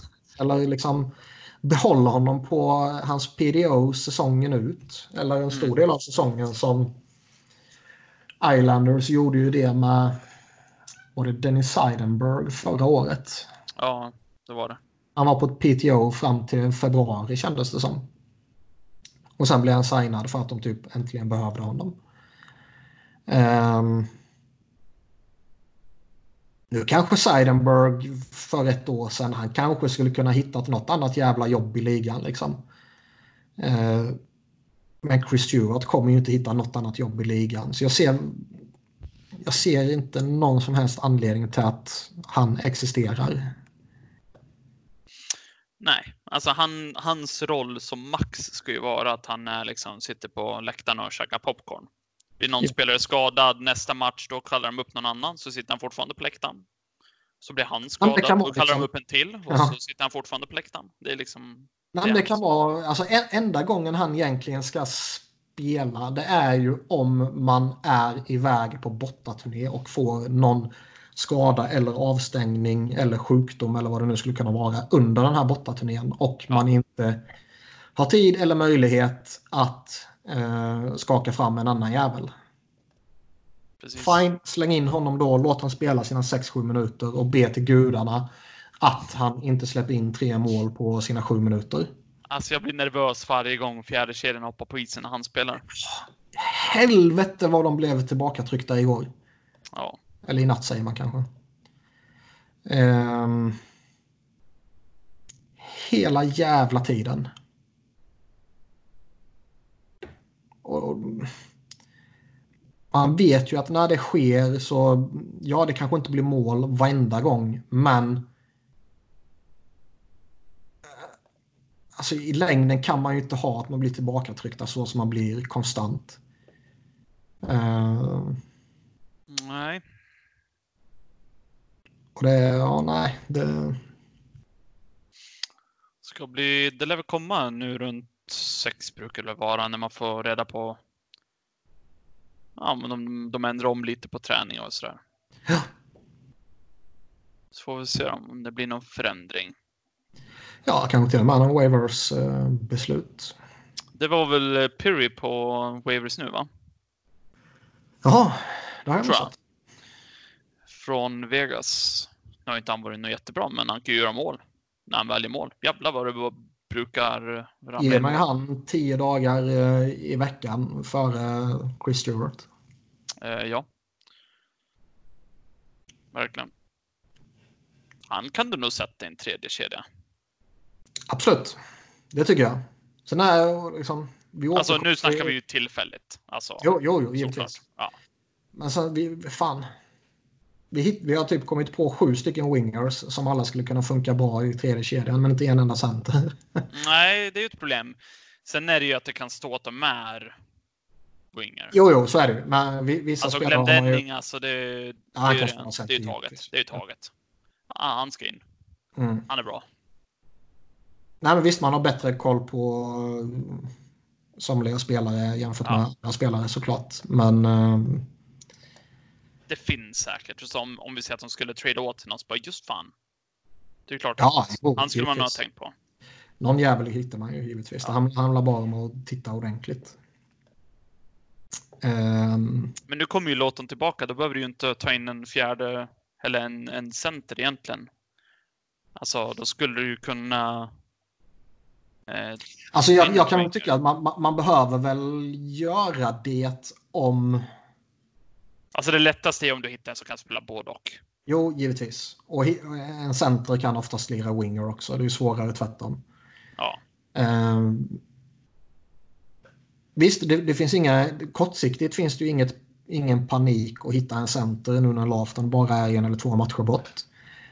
Men långsiktigt så beroende på vad de säger till Patrick kommer det ju finnas ett jättebehov av att få in en center till känner jag alltså det är, det, det är lite intressant det där med Patrick. Jag undrar hur lång tid det behöver ta innan de känner att nej, vi behöver nog eh, liksom gå vidare för nu.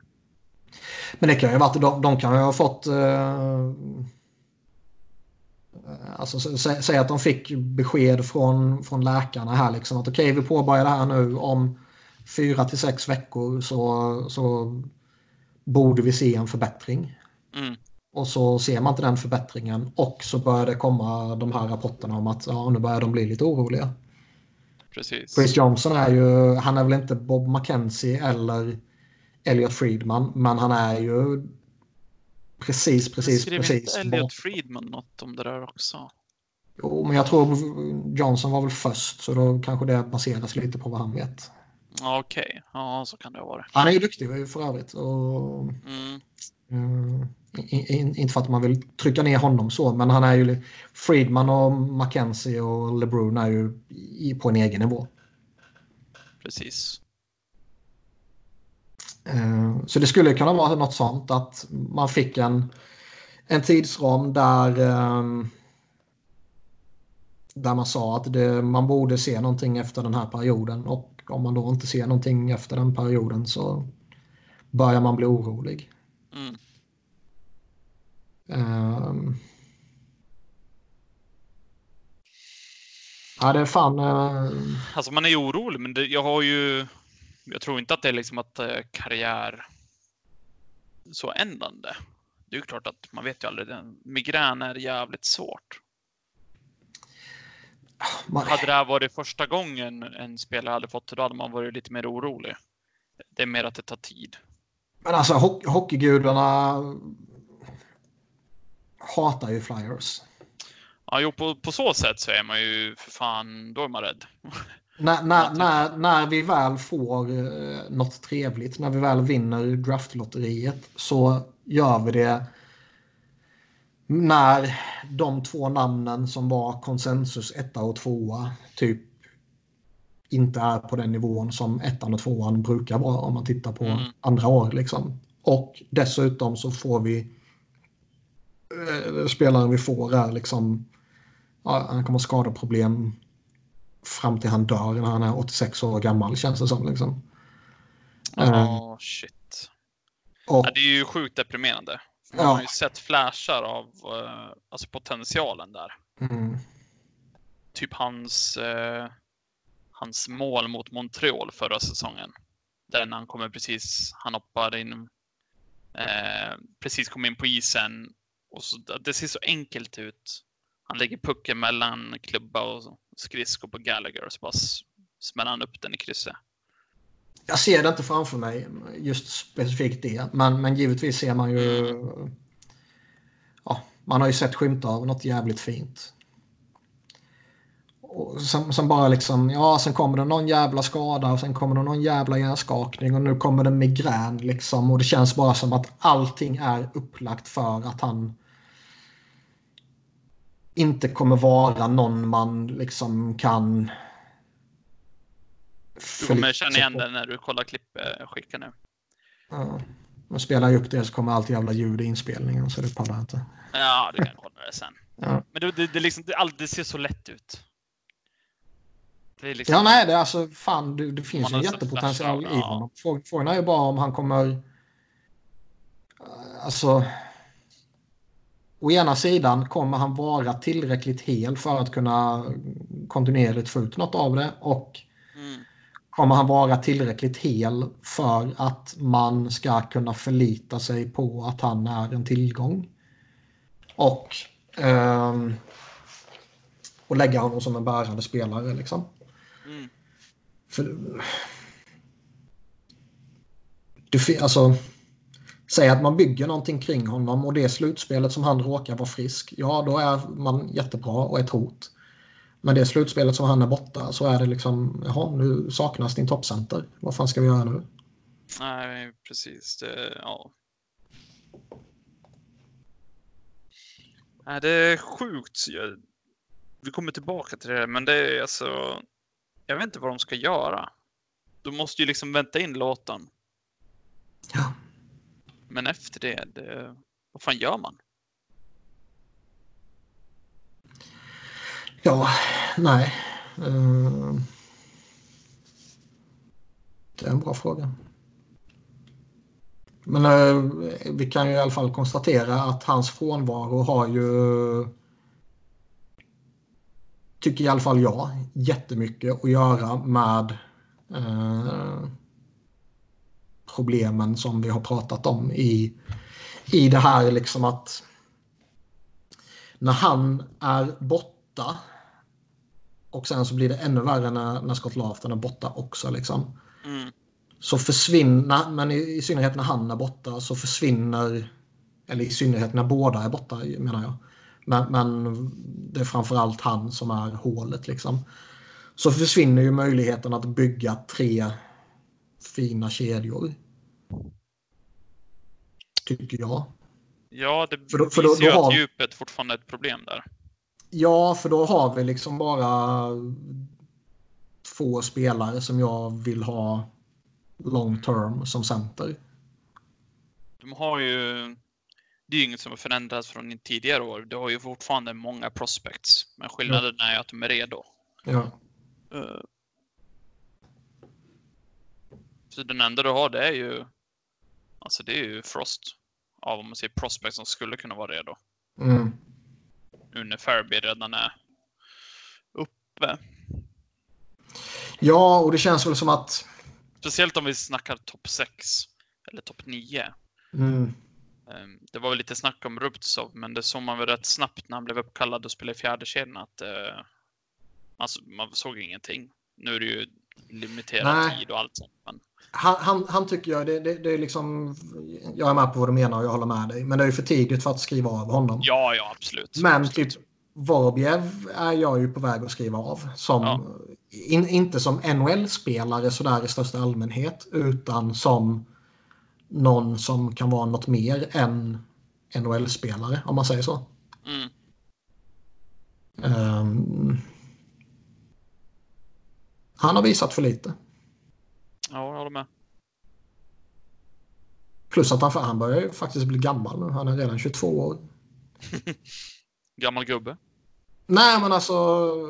Jag förstår vad du menar. Men han, fyller, han fyller 20, ja, nej, men han fyller liksom 23 under säsongen. Och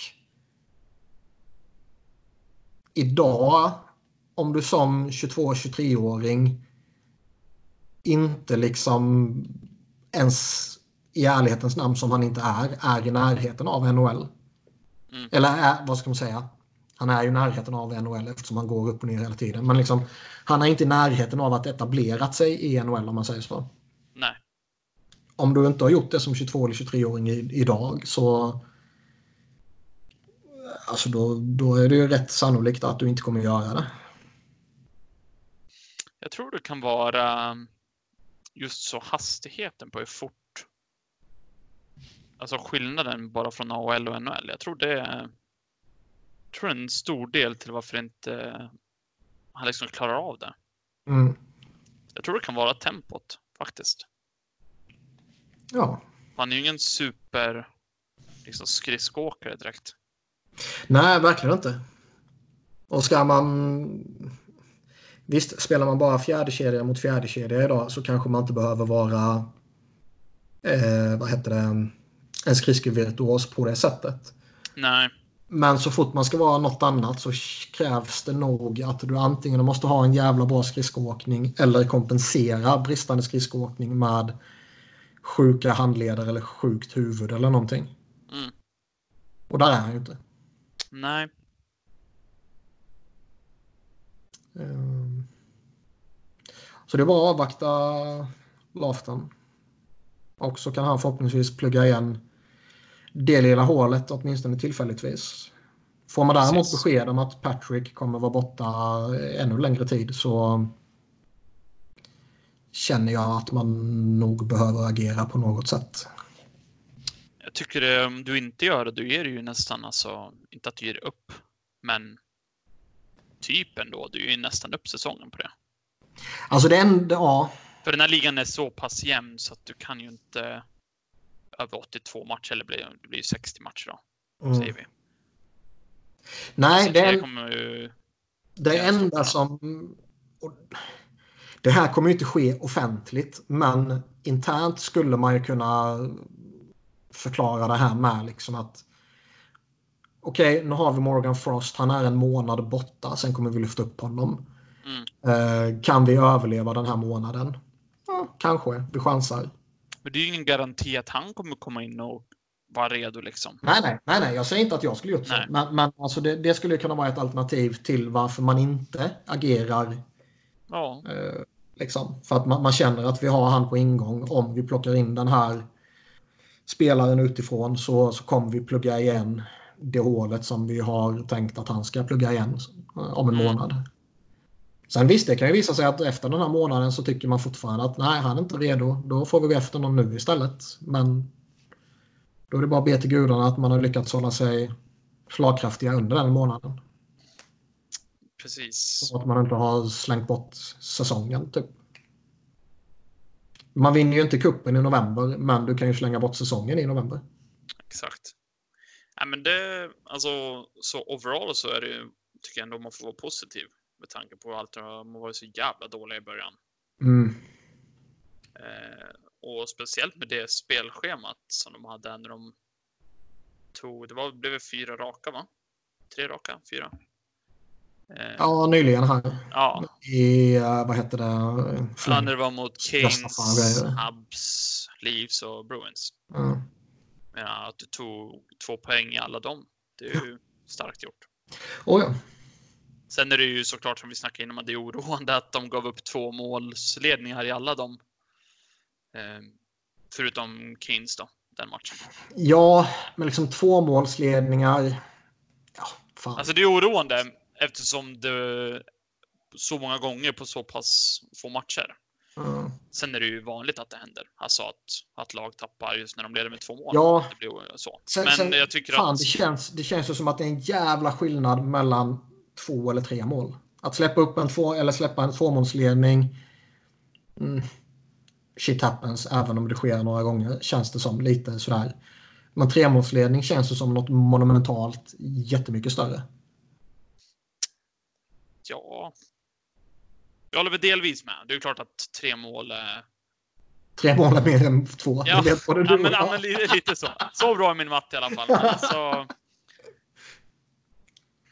just när det händer så pass många gånger, det är då jag tycker det blir ett litet oros... Nej, jag håller med dig helt, jag håller med dig helt och hållet. Men. Sen är det ju starkt att de går och vinner de tre matcherna det händer. Mm. Eh, såklart. Så det är inte att de liksom ger upp helt och klappar ihop. Mm. Sen så ska man ju inte glömma att eh, i många av de matcherna när det gick till straffar så var man ju för fan, du hade ju missat upp ett mål och du sköt i stolpen och lite allt möjligt så att ja. eh, med lite tur så hade det inte ens gått så pass långt. Mm. Eh, till exempel mot Toronto så hade ju fjärde kedjan där, Andreoff och de, de hade ju typ tre chanser där nära Anderson. Eh, och det blev ju typ Raffel missade upp ett mål och han gjorde någon jävla superräddning Eh, och sådär. Men det finns, det finns ändå någonting som gör det här liksom två mål. Det är liksom två powerplay sen, sen är motståndarna i kapp. Liksom. Det jo, det kan, jo, alltså det, men det, det kan, men just när det händer men, jag menar liksom, jo. Ja, jag menar liksom att ja, det händer. Det kan man, man kan vifta bort det på något sätt för man vinner ändå matchen sen. Liksom. Ja. Man vet, eh, sen, sen, sen är det frustrerande att man, ja, men man är fortfarande med i matchen. Liksom. Ja, sen är det frustrerande att man ger bort de här jävla extra poängen till alla de här jävla lagen i, i sin konferens. Alltså så länge du vinner så är det ju egentligen... Jo. Det visst att du behöver så ROW mm. eh, vinster. Men eh, alltså två poäng är ju två poäng. Så jag menar det... Sen är det ju, visst man kan torska mot Caps liksom. Det var stundtals var man utspelade, stundtals var man jättebra. Ja. Shit happens liksom. Det, det, det tycker jag inte är så jättemycket att hänga upp sig på. Nej. Det som irriterar, irriterar mig avsevärt mycket mer är ju den här jävla helgen. Som mm. verkligen... Visst, det är ju värre givetvis att komma ut från den här helgen med två raka 0-7 matcher, givetvis. Men om man tittar på vad som typ... Det är ju inte sannolikt att det sker såklart. Men om man tittar på vad som kunde vara en, en worst case scenario av saker som är typ rimliga sannolika eh, eventualiteter så är ju den här helgen typ det värsta jävla skiten som kunde hända. Man skiter ner sig fullkomligt mot fucking jävla Ottawa. Och men den var ju så jävla Ja, den var ju liten. Ja, ja. alla sätt. Men ändå liksom. Och visst, Ottawa, de kommer inte torska 82 matcher. Alla lag Nej. kommer liksom kunna förlora. De hade väl vunnit typ fyra av sina senaste fem, så man får liksom ja. lite cred. Men det var ju mer och, och, den, här, och den, här, den här ligan är så jämn så att alla lag kan vinna mot alla och bla bla bla. Men det tar inte bort det faktum att förlorar du mot Ottawa denna säsongen så är det fan skandal. Även om det kommer ske. Men, men det är liksom inte acceptabelt. Um, och på samma sätt så är det inte acceptabelt att tappa en 3-0-ledning mot New York Islanders. Nej. Det är en sak att göra det mot... Med, vad var det, 12 minuter kvar va? Ja, något sånt. Det är, det är liksom en annan grej att göra det mot ett, ett formtoppat Tampa Bay som bara kommer med superstjärna efter superstjärna. Mm. Eller vet, Toronto är någon jävla max-formtopp och Tavares och Matthews och Nylander och Marner och bara kommer i våg efter våg efter våg och bara köttar sönder dig i andra matchen i en back-to-back. Pirri Clara. Folk verkar ju hata honom. Ja, Rangers har satt uh, Haley på waivers. Ja, han behöver inte. Sätt han och Stewart på samma. ja, för helvete. Henry kan ju i alla fall eh, vara lite fysisk. ja, eller hur?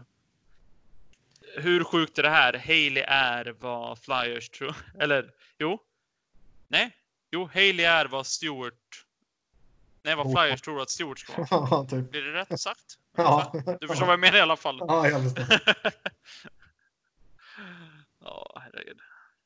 Men, ja, men, men liksom den här jävla helgen är den kunde inte ha gått sämre om man tänker liksom realistiska eventualiteter. Nej. Eh, och nu går man upp mot några hyggligt tuffa matcher här. Florida eh, är liksom ingenting man bara tar en beställningsseger mot. Keynes samma sak. Calgary och Vancouver samma sak. Sen blir det väl lite mer överkomligt sen med lite Columbus och Detroit och så här. Men ändå. Det är... Um... Ja, ja ehm, de, de här två matcherna, om de skulle vet, vara början på en sån här negativ spiral. Mm. Så känns det som liksom om säsongen glider bort i november så är det den här jävla helgen man kan ja. peka på.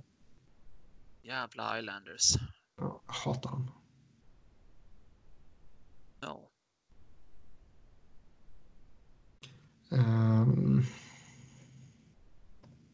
Det känns som de har blivit typ vad för Flyers var typ Devils var. Ja, eller jag skulle till och med säga typ Florida. Känns som all, Flyers förlorar alltid när de åker på den här jävla Florida-trippen. Ja. Och det var innan Florida så, eh, om man säger, blev bra. Ja. Som även när Florida var kassa så man åkte dit, fick stryk och så spelade man bra mot Tampa men fick ändå stryk. Det var typ standard. Men det måste ju varit typ den årliga superresan. Man åker ner till Florida, värmen och ja. dricker. Och teambildar typ. um, vill vi snacka mer om Justin Brown? Uh, ja, vad ska man säga? För det känns som att vi har pratat om... Det är typ han och Ghost som vi inte har pratat om, känns det som. Mm. Jag tycker att Brown kommer, han kommer alltid vara en svår spelare att typ tycka till om och analysera. För någonstans tycker jag att man ser att han gör nytta. Samtidigt som man ser att det händer mycket skit omkring honom. Ja, jag tycker han blandar och ger. Jag tycker att det känns som att... Jag undrar om det eh... kan vara liksom en, en, faktor av att han är duktig på det han gör och därför kommer han mm. att hamna i många sådana situationer. Liksom.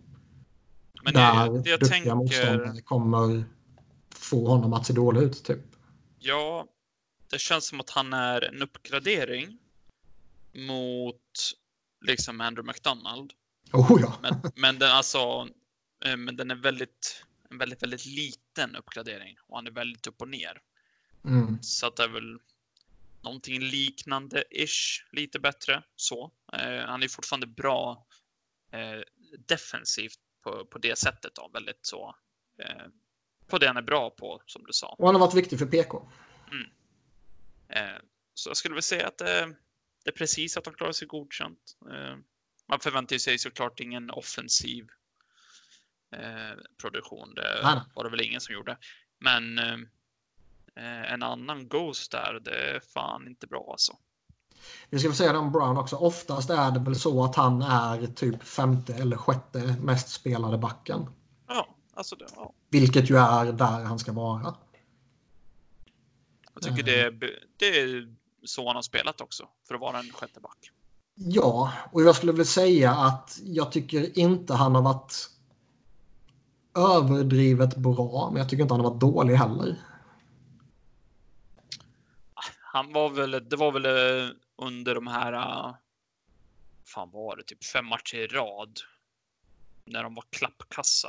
Typ han och Ghost, tror jag det var. Mm. Annars så tycker jag han har varit liksom okej. Mm. Eh, Men man, man säger så här, han är väl typ vad man trodde att han skulle vara. ja. Man hade ju hoppats att han skulle studsa tillbaka lite till om man tänker så. Ja, men han, han är väl där vad man liksom förväntar sig att Ja. okej, det här är vad vi kommer få av honom. Exakt. Eh, Medan Niskanen då, som vi sa tidigare, har typ överträffat alla förväntningar. Mm.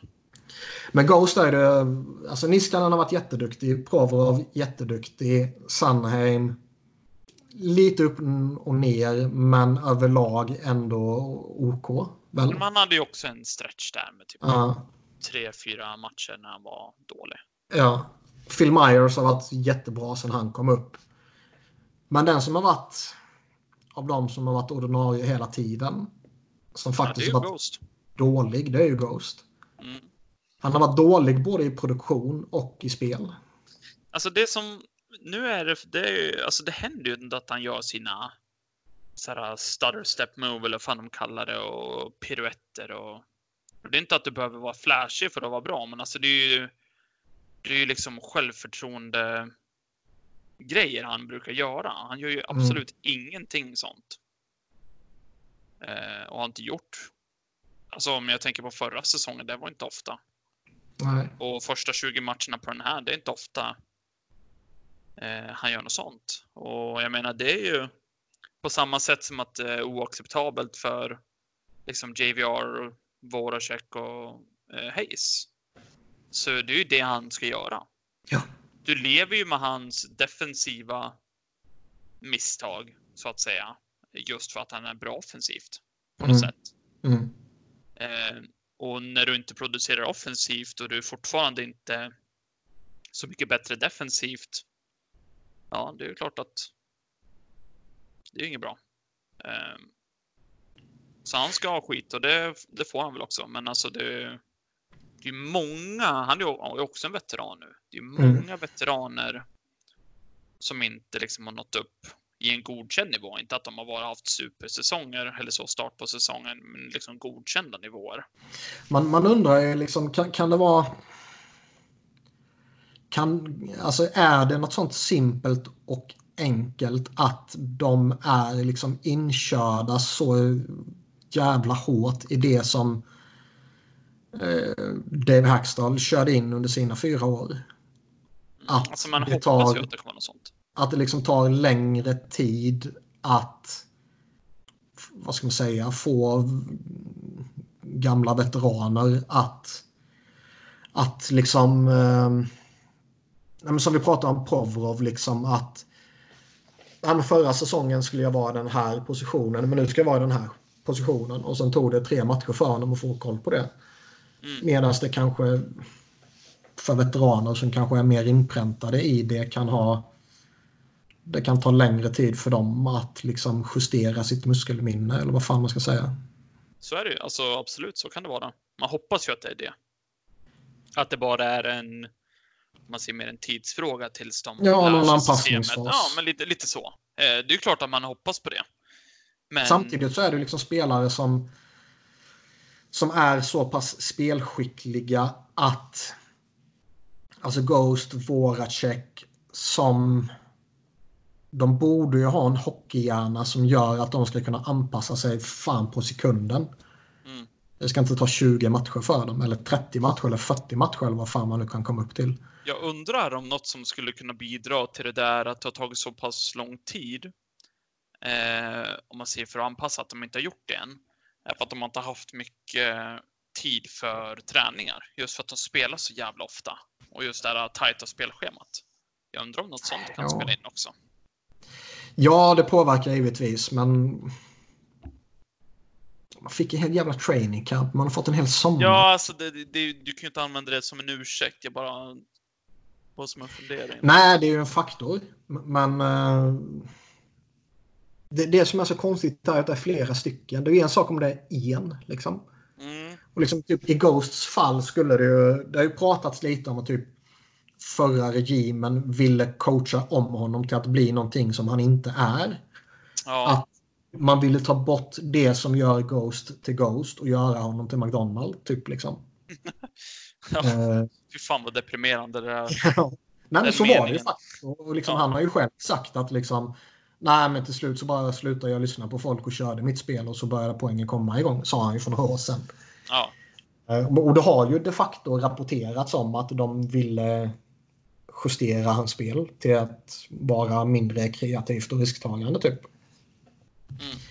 Man undrar ju om det är någonting som liksom fortfarande präglar hans spel och kanske till och med är någonting som som nuvarande i ledarstaben också vill justera. Mm. Det, det som vi inte riktigt har, har nämnt som är lite intressant. Jag undrar om det här skulle fortsätta med om man säger icke-produktionen av de här fyra då, som vi har nämnt eh, specifikt. Eh, det är ju lite skillnad nu med den nya managementet med Fletcher och vad det var innan. De kommer ju inte ha tålamod för det här. Nej, och framförallt är de inte committade till, till någon spelare så tillvida att det är deras spelare. Ja, det var Hayes då. Så. Jo, men, jo, men jag menar av... Uh, mm.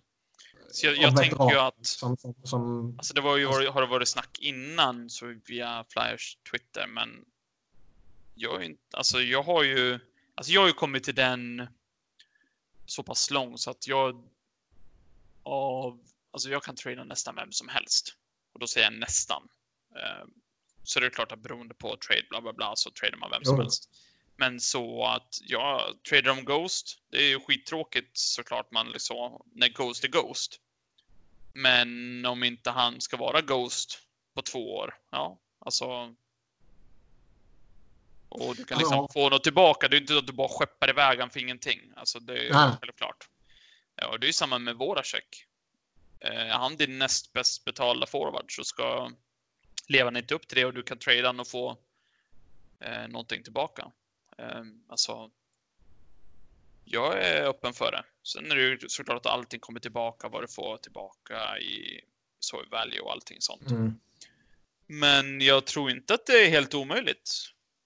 Uh, Nej, ja, det tror jag också. Jag kan absolut tänka mig att något, något av de större namnen ryker. Och när jag menar det att liksom det, ingen av dem är deras egna spelare så menar Nej. jag de som har varit Precis. här en tid. Liksom, som Visst, Kevin Hayes tillhör ju Flyers core numera, men han tillhör ju inte den gamla coren på, på det sättet. Nej.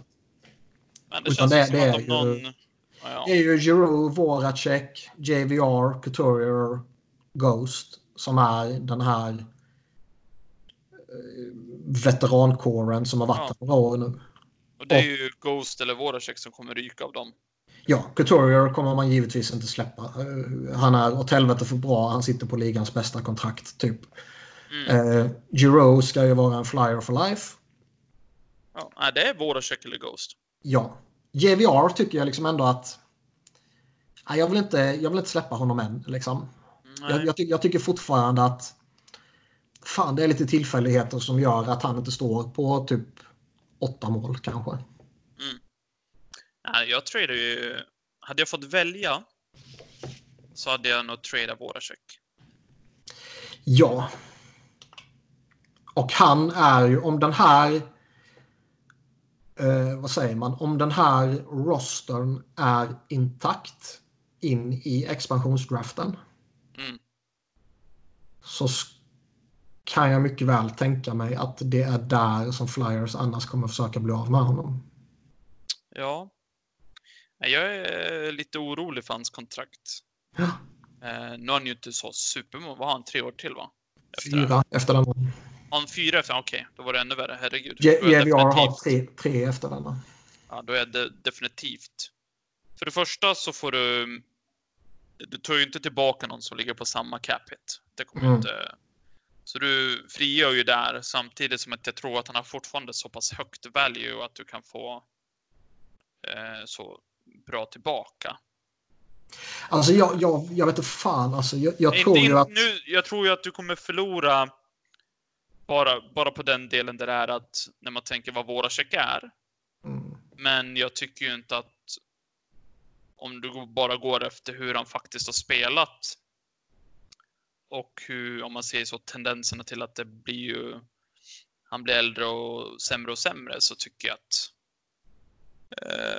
du kommer inte vinna vinna traden på det sättet, men jag tror att förlusten kommer bli mindre än vad man kanske tänker sig först. Om du förstår vad jag menar. Jag tror att det kommer inte vara som en... Man tänker att men de, kommer aldrig få tillbaka samma value. Jag tror inte det kommer bli så om de skulle trade honom. Sen är det ju såklart att nej, alltså, all, allting kommer ju tillbaka till vad du får tillbaka och kanske jo. du får någon yngre som inte har slagit igenom och så skulle han slå igenom. Ja, men då är det ju världens trade liksom. Självklart. Mm. Nej, givetvis. Um, det, ja. är väl, det är väl lite... Um det, det man har känt tidigare år, för han har ju, det var som vi sa tidigare, han är ju lite frustrerande sådär att titta på liksom. Och mm. har varit lite av en vattendelare under alla åren i Flyers känns det som. Men det man har känt under tidigare år är ju att okej, okay, om vi ska trada våra check så kommer det finnas noll i princip möjlighet att uppgradera sig. Och eh, liksom hur, hur många högerforwards i ligan producerar bättre än honom? Ja, det är ett fåtal. Hur många av dem kan du få? Ingen. Liksom. Nej, det är nog bäst för laget att behålla våra check. Um, där är jag ju inte längre. Nej, det är ju det som har förändrats för mig. För det har alltid varit min, om man säger go-to eh, till varför man inte ska trada honom. Mm. Men jag tycker inte att han inte bara så producerar, men alltså så hur han spelar tillräckligt för att du ska liksom... Jag tror att hans anseende, lite som Simmons, är högre än hur bra han egentligen är. Nu är det ju såklart att alltså, Simmons var ju så slut när man tradade honom. Alltså helt slut. Ja. Eh, men du förstår vad jag menar. Jag tror att det kan vara faktiskt rätt att trada honom. Ja, hela grejen är ju liksom att det här känns inte en trade som man gör under säsongen. Utan hans kontrakt är så stort att jag tror ju att man måste hitta något likvärdigt och ta tillbaka. Om man ska göra det in season. Jag tror att vill, vill, man bara bli av med honom så att säga för att man behöver lite cap space och man kanske vill släppa fram några unga eller vad det nu skulle kunna vara. Så tror jag ju att förhoppningen är expansionsdraften. Mm. Um, Annars tror jag fan att man behöver hitta... Det är ju klart med ett så pass stort kontrakt så är det ju lättare under sommaren. Så är det Ja, liksom ska Vilket man göra är därför, man, nu? därför jag tänker att ja, men då är det nog Ghost. Men hade jag fått välja ja. så i en perfekt värld så hade det varit han. Nej, men så är det. För tittar man nu så jag, jag tror inte man kan göra en våra check trade utan att byta ett stort kontrakt mot ett annat stort kontrakt. Och Alltså... Det är väl typ om du skulle ta emot, om vi säger, alltså två spelare för samma peng. Ja, men, ja, men tänk dig typ ja. Mike Richards. Man skickar ett stort kontrakt och få tillbaka eh, Chen och Simmons. Liksom. Mm. Nu är det två helt olika eh, eh, två helt olika vadå? Två helt olika situationer för Richards var eh, liksom typ mitt uppe i Ja. Och, och, jag förväntar mig inte att man får motsvarigheten till Simmons och Chen för Voracek. Men liksom... Nej. Alltså just för att eh, realisera liksom det här att du byter ett stort mot två mindre. Så är väl den kanske en, en jämförelse man i så fall skulle kunna göra. Sen får man ju sänka nivåerna på spelarna lite. Ja. Men ja, det är väl det man ska kunna göra. Men samtidigt har jag svårt att se att lagen skulle stå på kö för att ta in Jake Voracek. I dagsläget, alltså det, det jag kan se i dagsläget är ju ett annat lag som kanske står och stampar lite och eventuellt vill liksom skaka om sin core på samma sak som Flyers kanske vill göra. Mm. Och det man spontant tänker på är ju Dallas. Ja. Där det dessutom skär sig lite mellan vet, Förra säsongen gick deras CEO ut och slängde skit på Seguin och Ben och nu har tränaren gjort det och fått be om tillåtelse. Och, eh, det är lite ingen, av, ingen av dem har ju tagit fart mm. denna säsongen. Det är lite intressant det där just med, med Dallas, för att de har alltid sett som att vara några contenders varje år, att de har ett bra lag och så vidare. och så vidare. Men de tar sig ju aldrig någon vart. Och det, mm. det är liksom typ St. Louis fast. Eh, alltså St. Louis innan St. Louis blev St. Louis. Alltså ja. när de alltid gick till slutspel men aldrig gick någon vart. Ja. Det är lite liknande nu förutom att det är liksom ännu sämre. Det är ju knappt så att de tar, tar sig till slutspel, eh, mm. Dallas.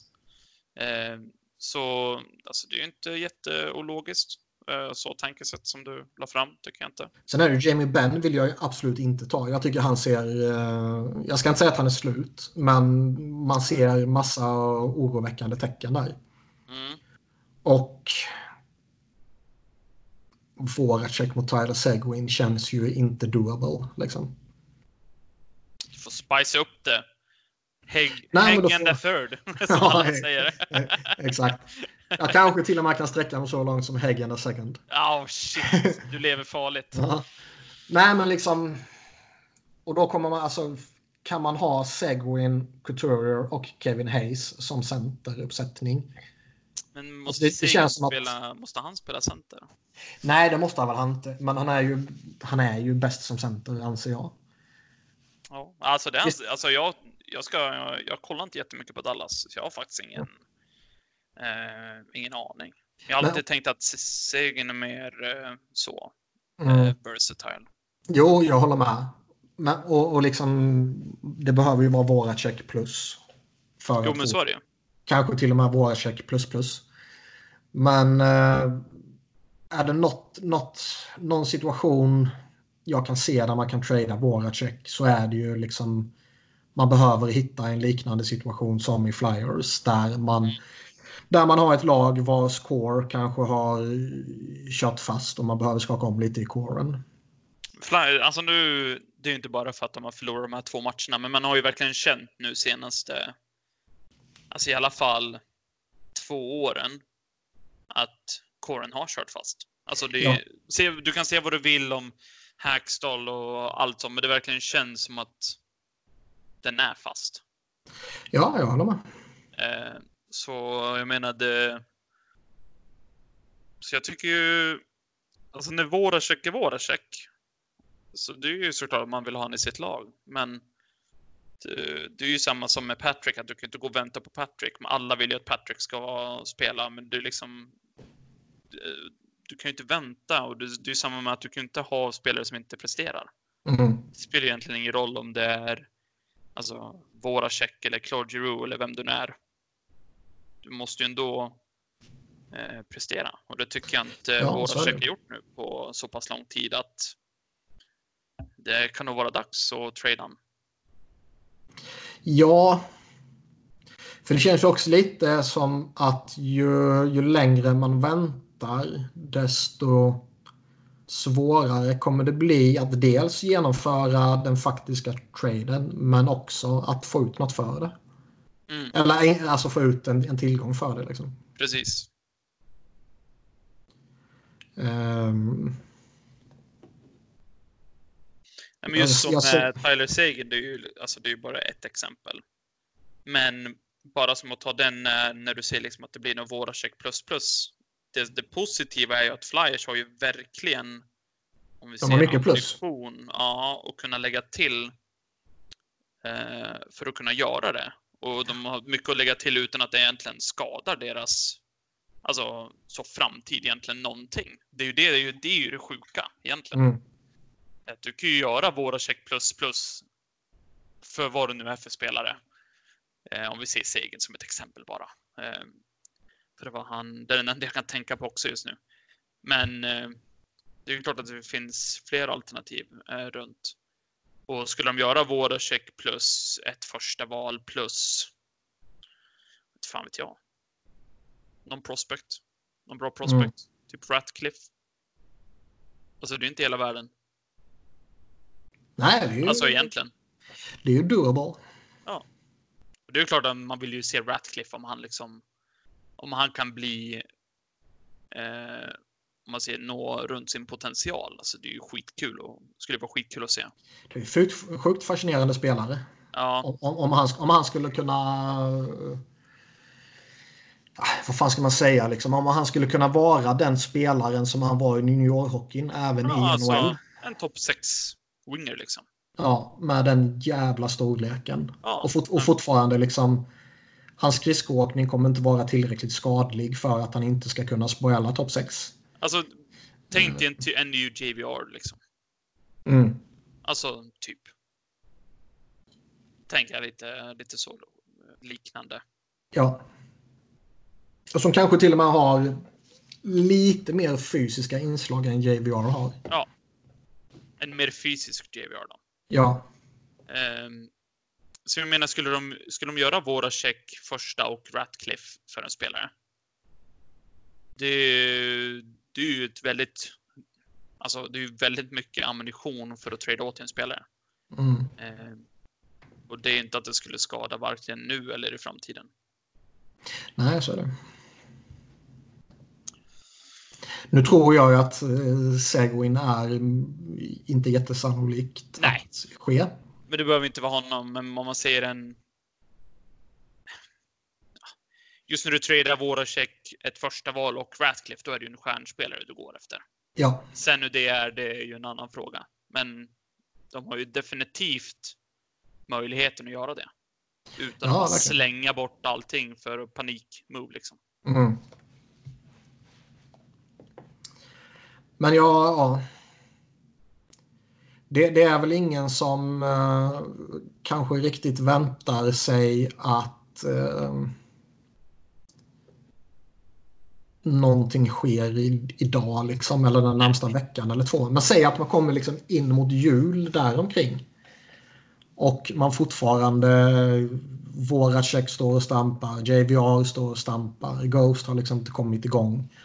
Eh, man väntar fortfarande på Patrick. Mm.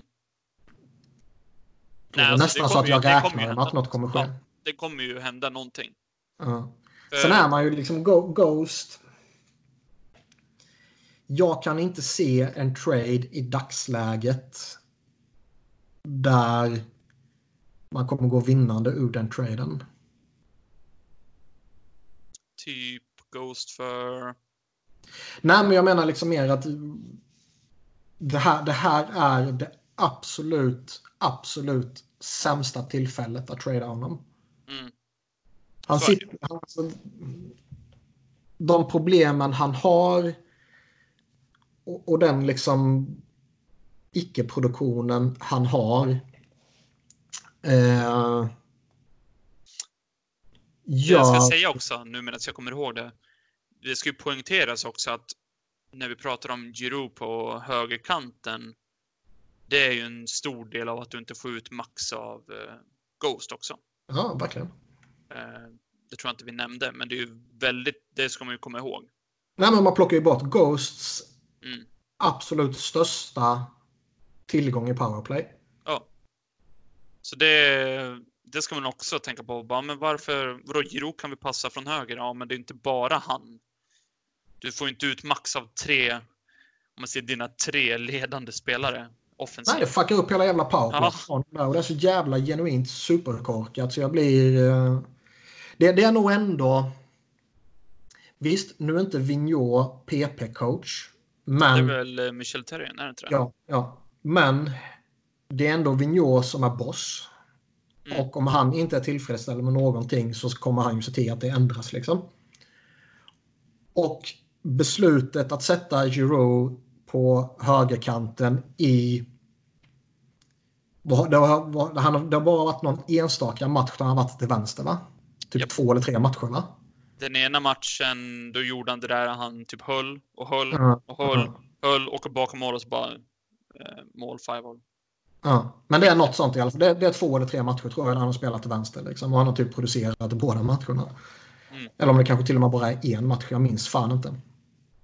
Uh, men det är fan det enda som jag är genuint kritisk till angående Vigneault. Annars tycker jag att han har varit bra.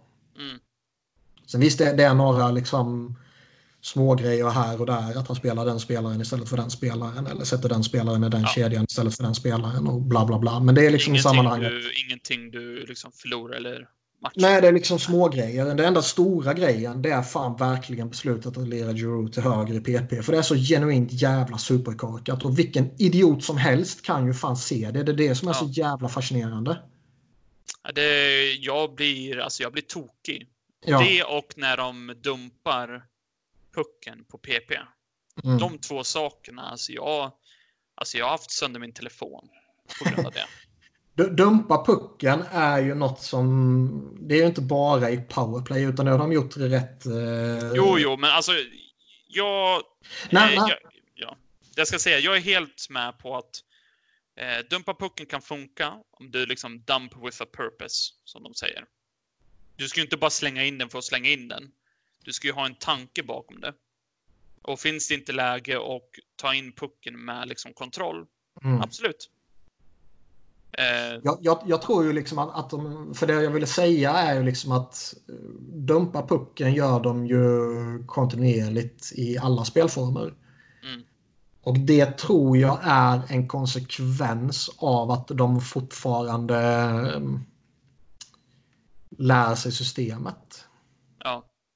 Att typ, fan, den spelaren är inte där han borde vara. Nu måste jag dumpa pucken, typ. Ja. Uh, Men när du gör det i powerplay, när du har så mycket yta att ta in pucken mm. i zon, bara du liksom... Problemet med, som Flyers har, speciellt med första uppställningen, det är att de är så jävla lätta att läsa när de, äh, läsa när de ska liksom starta upp spelet. Mm. Någon spelare åker upp med pucken på egen blå, släpper den bakåt, på, äh, bakåt, så kommer nästa spelare och ska ta den och så ska han ta sig förbi typ fyra spelare. Istället för att lägga en, liksom en komma in med fart på något sätt. Alltså tillsammans. Det är det jag, som jag, den andra uppställningen gör så jävla bra. Men det tror jag också är att, att liksom, de är inte synkade där heller. Utan det är en massa Nej. olika positioner. att eh, liksom, Claude Giroux tar ju inte in pucken på vänstersidan som han gjort i tio år för att sen åka över till högersidan. Nej. Eh, utan de är osynkade och ovana där också. Ja. Och det, det, tror jag blir då en faktor i att man, man dumpar puck mer än vad man vill göra. Sen tror jag att, alltså de har ju pratat lite också om att nej, men vi vill i situationer dumpa ner pucken, eller pucken, pucken. Mm. för, för att eh, tvinga fram misstag från försvararna när de måste vända sig om för att hämta den. Typ. Det är det som, eh, om man säger dumpa in pucken med liksom en idé, mm. för att direkt översätta i princip. Mm. Eh, det, det ser ju funka jättebra Alltså när du, när du gör dump and chase som det ska vara. För där ja. har du ju Couturier-linan. De är ju kung på att vinna pucken efter att dumpa ner den. Alltså Couturier och Lindblom speciellt är ju jättebra på att vinna tillbaka pucken eller pressa till misstag eh, när de väl dumpar in den. Du har ju noll av det, om man ser den delen av de andra kedjorna, verkligen noll.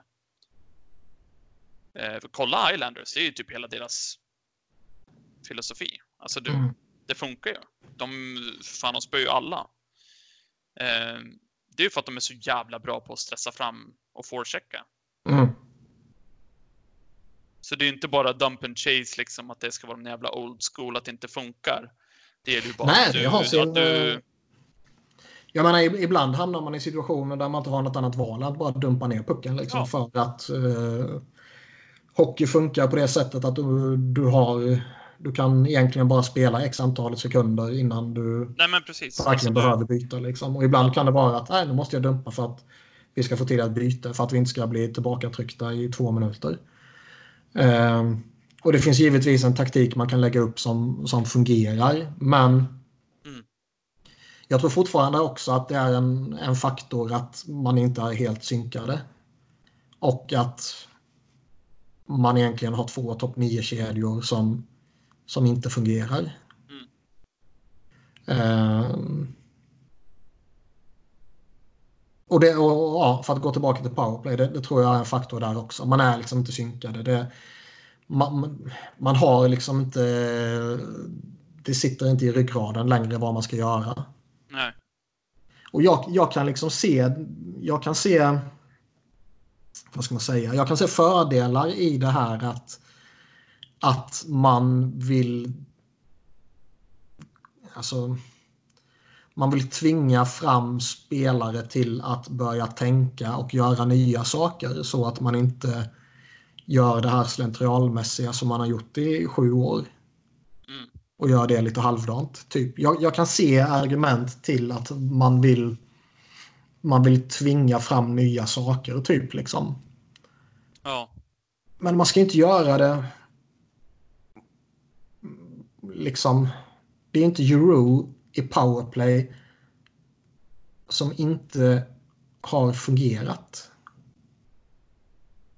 Jag kan se, jag kan se att man typ liksom Jake Voracek i powerplay. Jag tycker inte han har varit tillräckligt bra de senaste åren för att motivera att han ska vara alldeles toksjälvskriven där. Liksom. Mm. Ja, men då kan jag se att man vill testa något annat. Man vill testa Kevin Hayes där. Man vill testa Faraby till höger där. Man vill testa Connectney där. Liksom. Man vill testa Patrick om han skulle vara tillgänglig eller vad fan det nu skulle kunna vara. Exakt. Men det, jag kan inte i min vildaste fantasi förstå varför det är Giroud man vill. Han är den absolut sista du flyttar på. Han är den sista i hela jävla ligan jag skulle flytta på. Nej, det är störsamt. Men det enda alltså det positiva med att det går så jävla dåligt för den PP-uppställningen är ju att till slut så lär de ju fatta, kan man tycka. Efter, liksom, det funkar inte. Alltså, men det borde man ju fattat för tio matcher sedan. Ja, jo, jo, men det är det enda som jag typ, det är det enda mitt hopp lever på att man mm. vet att varje gång powerplay misslyckas så är det ett steg närmare till att de kommer gå tillbaka till Giro till vänster. Men sen har, men sen har, sen har, de, ja, sen har de det här jävla spelet som de hade nu mot Islanders. Typ första utvisningen eller andra utvisningen eller vad det var. Där, de, där det verkligen ser ut att, att kunna funka. Och då liksom, jaha, då skjuts det här beslutet fram ytterligare två eller tre matcher. För då kommer de fortsätta testa den här skiten. Ja, precis. Och det gör mig fan arg. Nej, jag ska se till Charlie och uh, prata med Vigneault. För min hälsa. The flaming asshole from Sweden ja. is mad at you, Elaine. ja, herregud. Uh, vill vi säga något om målvakterna? Uh, Eller är det bara att konstatera att alla målvakter kommer att ha lite alltså, upp och ner. Carter Hart har kommit tillbaka. Uh, Brian Elliott är okej okay, alltså, så länge man inte ja. sönder honom. Typ. Brian Elliott har varit Brian Elliott hittills. Ja man är fortfarande rädd för att han kommer gå sönder. Eh, det ja, och det var han ju typ på väg att göra när han spelade alla de här matcherna där för en vecka eller två sedan, vad det nu blir. Ja. Men annars så tycker jag väl att de, det har varit som laget upp och ner. Nu har ju Carter Hart varit skitbra senaste, om man ser ända sedan han studsade tillbaka då. Så det är väl en fem matcher nu i alla fall. Mm.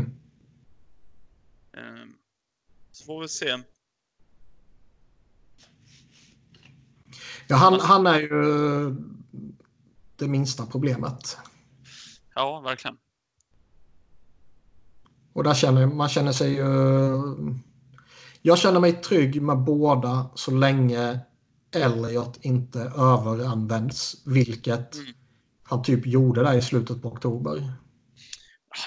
Alltså, du hade ju typ inget alternativ där. Alltså när väl Carter Hart spelade, han var ju... Han kunde ju inte rädda en puck. Nej, jag vet. Men, men det är liksom ändå ett problem. Jo, alltså jag håller ju med, men fan alltså jobbig situation att vara vid Ja, det är en jättejobbig situation. Jag, helt klart. Fan, inget snack om slutet. Eller inget snack om saken. Men i slutändan så om du spelar Brian Elliott för många matcher i rad och liksom tidigare kanske den gränsen låg på typ 7, 8, 9, 10 matcher innan han kommer börja gå sönder. Ja. Nu ligger den gränsen kanske på tre matcher. Alltså jag, tror att, jag tror att de i princip när de spelade, var det tre matcher i rad han spelade? Ja. Jag tror att det var mer, ja, vi låter liksom, eh, vi låter Hart eh, få in lite träningar, liksom resetta sig och så. Ja, det tror jag med. Ja, jag tror, bara, jag tror de kände sig, ja men vi är tvungna att göra det här. Eh, ja, nej, men det tror jag också. Ja. Problem, problemet med det är ju bara att... Uh... De har inte backupen för att göra det egentligen. Så det, nej, det var en risk. Så är det Och det, ja, det kändes som att de var precis och balanserade på gränsen för liksom att han, Elliot kommer antingen kommer det funka och han kommer ta sig igenom det eller så kommer han bli skadad och allting kommer krascha. Det kändes som att det var exakt 50-50 vad som ja. skulle ske. Verkligen. Och uh, den... Det risktagandet vill jag ju inte ta en gång till. Nej. Det håller jag med om. Sen tycker jag ändå att uh, av de alternativen som fanns, och det har jag sagt tidigare, så var ja, Brian Elliott det självklara alternativet. Så jag ifrågasätter inte beslutet att, att signa upp honom. Uh, alltså det hade väl varit Cam Talbot, men han lämnar ju så då hade du... Jo, men, ja, men han, han har ju... Det verkar som att han själv ville lämna, så han ser jag inte som ett alternativ. Nej. Utan då är det typ Elliot eller de andra som nådde Free Agency. Um, och då är det ändå... Jag, jag, känner mig rätt trygg med båda målvakterna så länge man inte överspelar Elliot. För det... Det kan han inte längre. Jag håller med. Uh, vill vi säga något om de här spelarna som har varit uppe men som har skickats ner igen?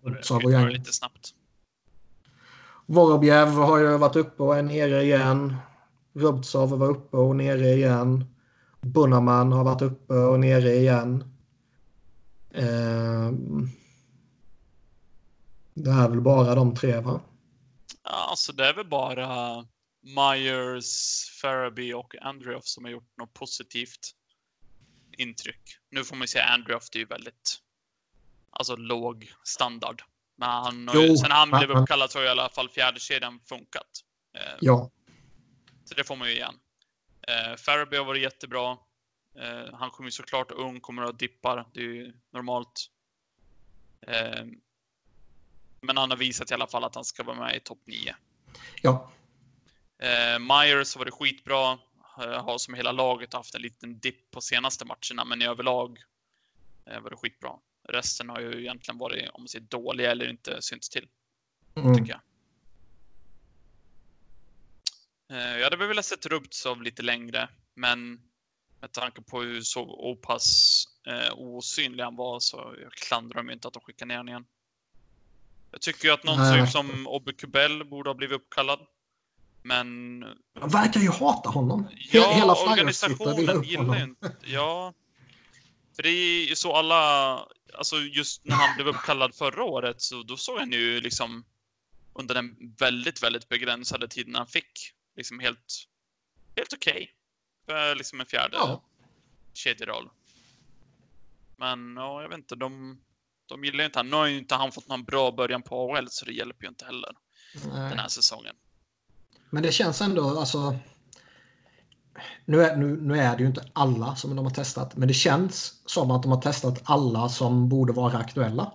Mm. Och att ja, han överhuvudtaget typ, inte är med där. Det, det... Den enda som jag, som de har ju typ Curtis Gabriel som de har typ tycker är bättre. Alltså, eller som de håller högre. Eh, just för efter campet och allt sånt. Skulle inte han uh, blivit skadad under kampen tror jag han uh, skulle inlett säsongen i NHL.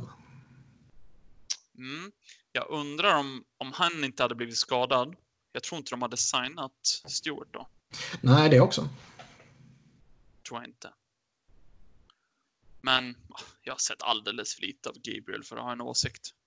Nej. Jag hatar han för att han eh, ja, ja, för fan. tacklar jag, Patrick. Men... Ja, ja, och det är ingen spelare jag vill ha i NHL. Nej. Men... Uh, jag tar ju hellre han än Stewart. Jo. men jag vill inte ha någon. Nej. Men, men uh, man fick ändå lite känslan där att uh, han kanske just med tanke att just den spelaren har, vill de liksom ha. Mm. Den, här, den här med det fysiska inslaget som sådär. Och han är ju innan de signade Stewart och Stewart är inte den spelaren men de tror det. Men innan de signade Stewart så var ju typ han den enda spelaren som var det. Ja. Sen så eh, hände lite saker. Han blev skadad. Andra spelare fick chansen. Eh, man var inom situationstecken tvungen att signa Stewart och typ Faraby var överjävlig och kom upp direkt och tog en plats och så vidare. Så mm. saker hände som gjorde att han kanske trillade ner lite i the pecking ja. order. Och snart så blir ju Frost uppkallad. Om man bara fortsätter på samma nivå som man haft hittills med produktion och eh, så kommer han också bli uppkallad snart och det blir bara mindre och mindre chanser för man säger de äldre prospectsen om du vill kalla mm. det. Nej, men det känns lite som att tåget har ju gått för honom. Ja. Det är lite synd. Är, nu är det ju synd eh, på grund av att Samuel Moran blev skadad. Men det är ju lite samma där att tåget har nog gått för han också. Ja, han är borta nu. Men fan, Vilket det alltså, kändes som att det redan hade gjort innan han blev skadad igen då. Jo, lite så. Och sen är ju han, han Alltså vi alla överhypar ju honom lite bara för att han är en former first rounder. Ja. Um, alltså jag har ju inte haft någon förhoppningar på honom på typ fyra år. Men, men han, är, han, är, han är ju liksom en, jag har inga förhoppningar på honom heller. Men han har ju inslag i sitt spel som gör att man skulle vilja se honom i NHL en längre kontinuerlig tid. Mm. För han har ju han har ju lite den här Chris Pronger alltså storleken, spelstilen. Jag menar på inga sätt, och jag har sagt det många gånger tidigare, jag menar inte på något sätt att jag trodde att han skulle bli en ny Chris Pronger. Nej, eh, men det, det tror jag nog alla hängde med på. Ja, men... Det finns bara en Chris Pronger. Nej, men lite så. Men det finns liksom den här storleken, bra rörelsemönster ändå för att vara så pass stor. Liksom. Mm. Och eh, den här en, en nasty edge. Liksom. Den delen var lite sådär Apormans Chris Pronger-eskt. Vilket gör att man typ ville se honom. För alla, även om det är en, en liksom delar från en svunnen tid liksom, så tror jag att i princip alla uppskattar det råa fysiska och kan gå igång på en sån spelare. Liksom. Mm.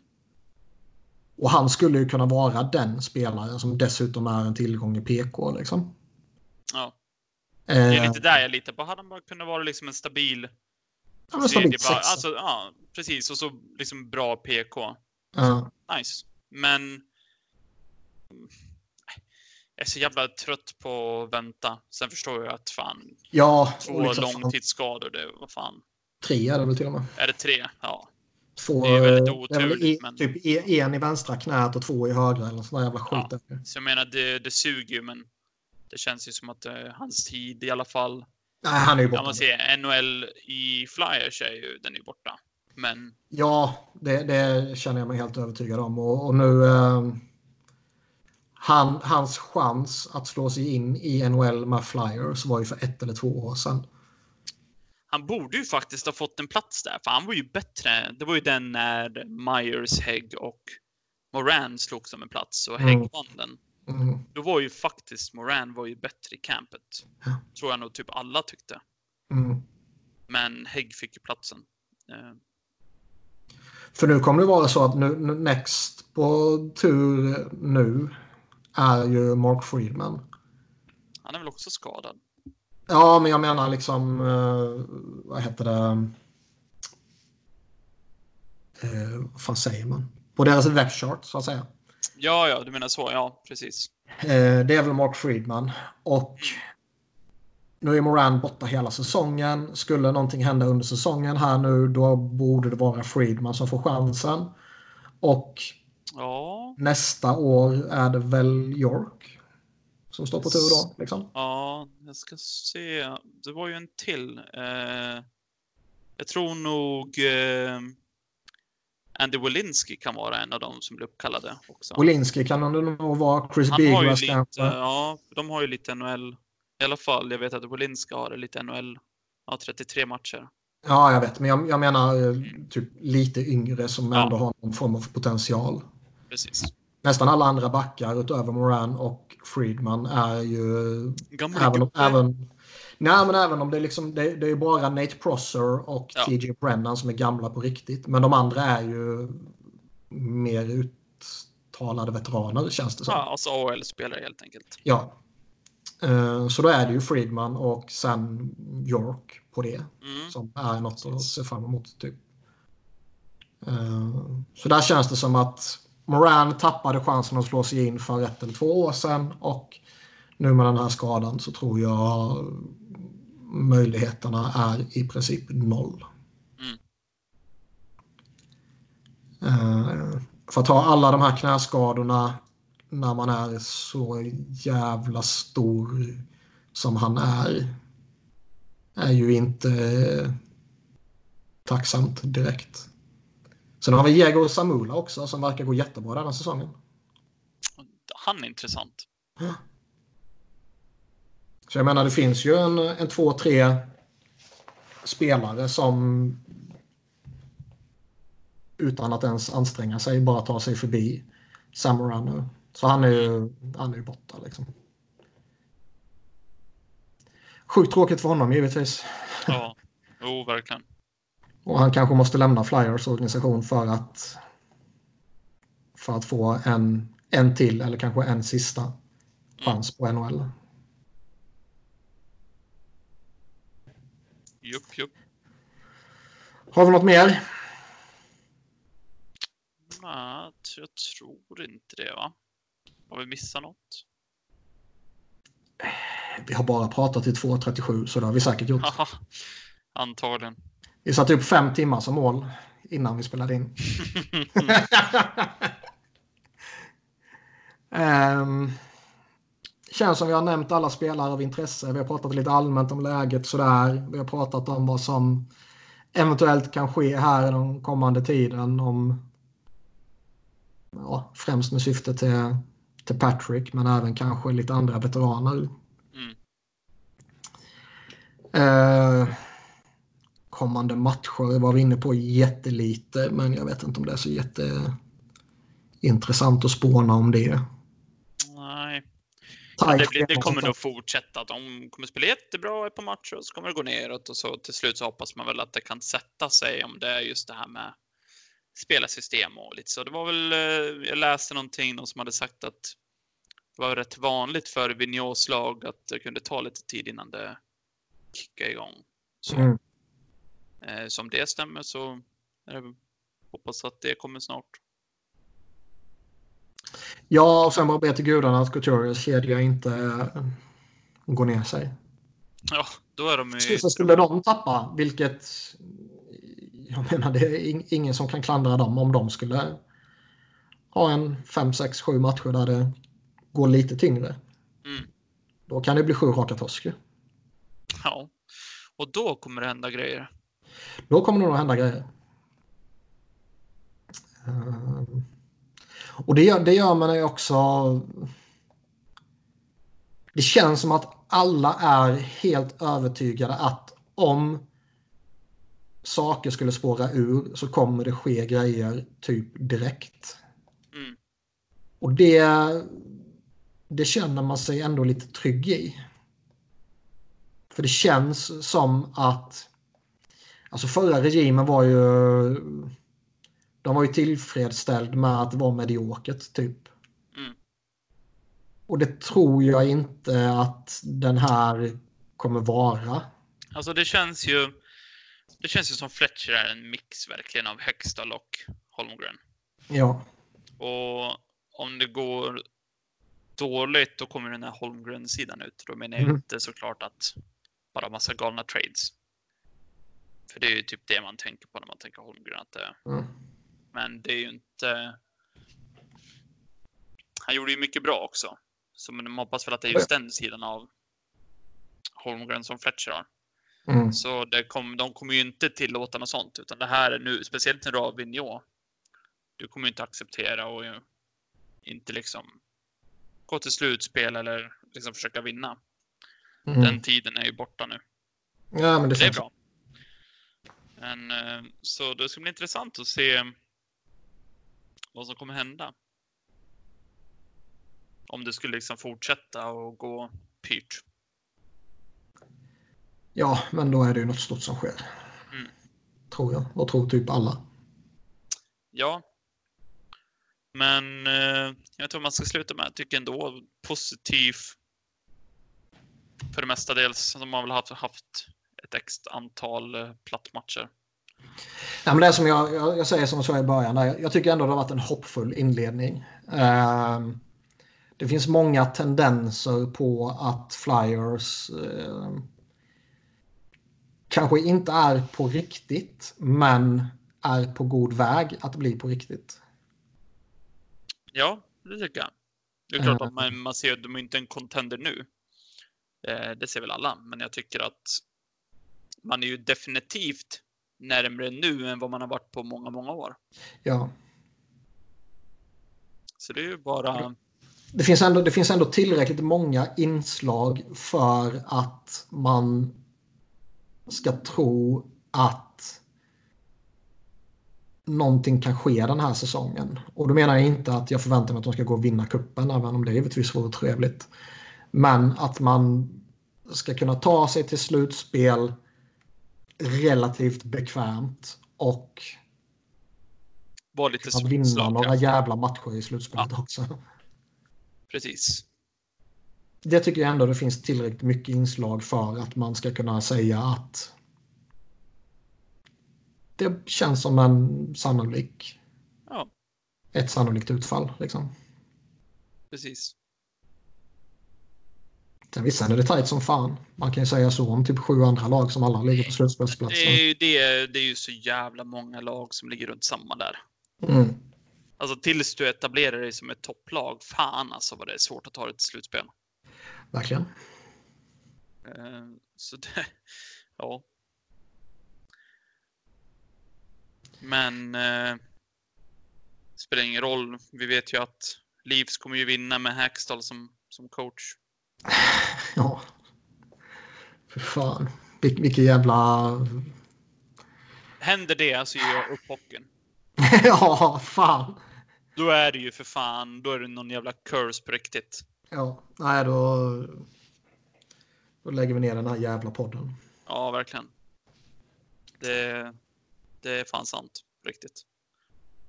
Och med de orden så tackar vi för oss. för den här gången i alla fall. Ja, det känns som vi har tragglat tillräckligt. Ja.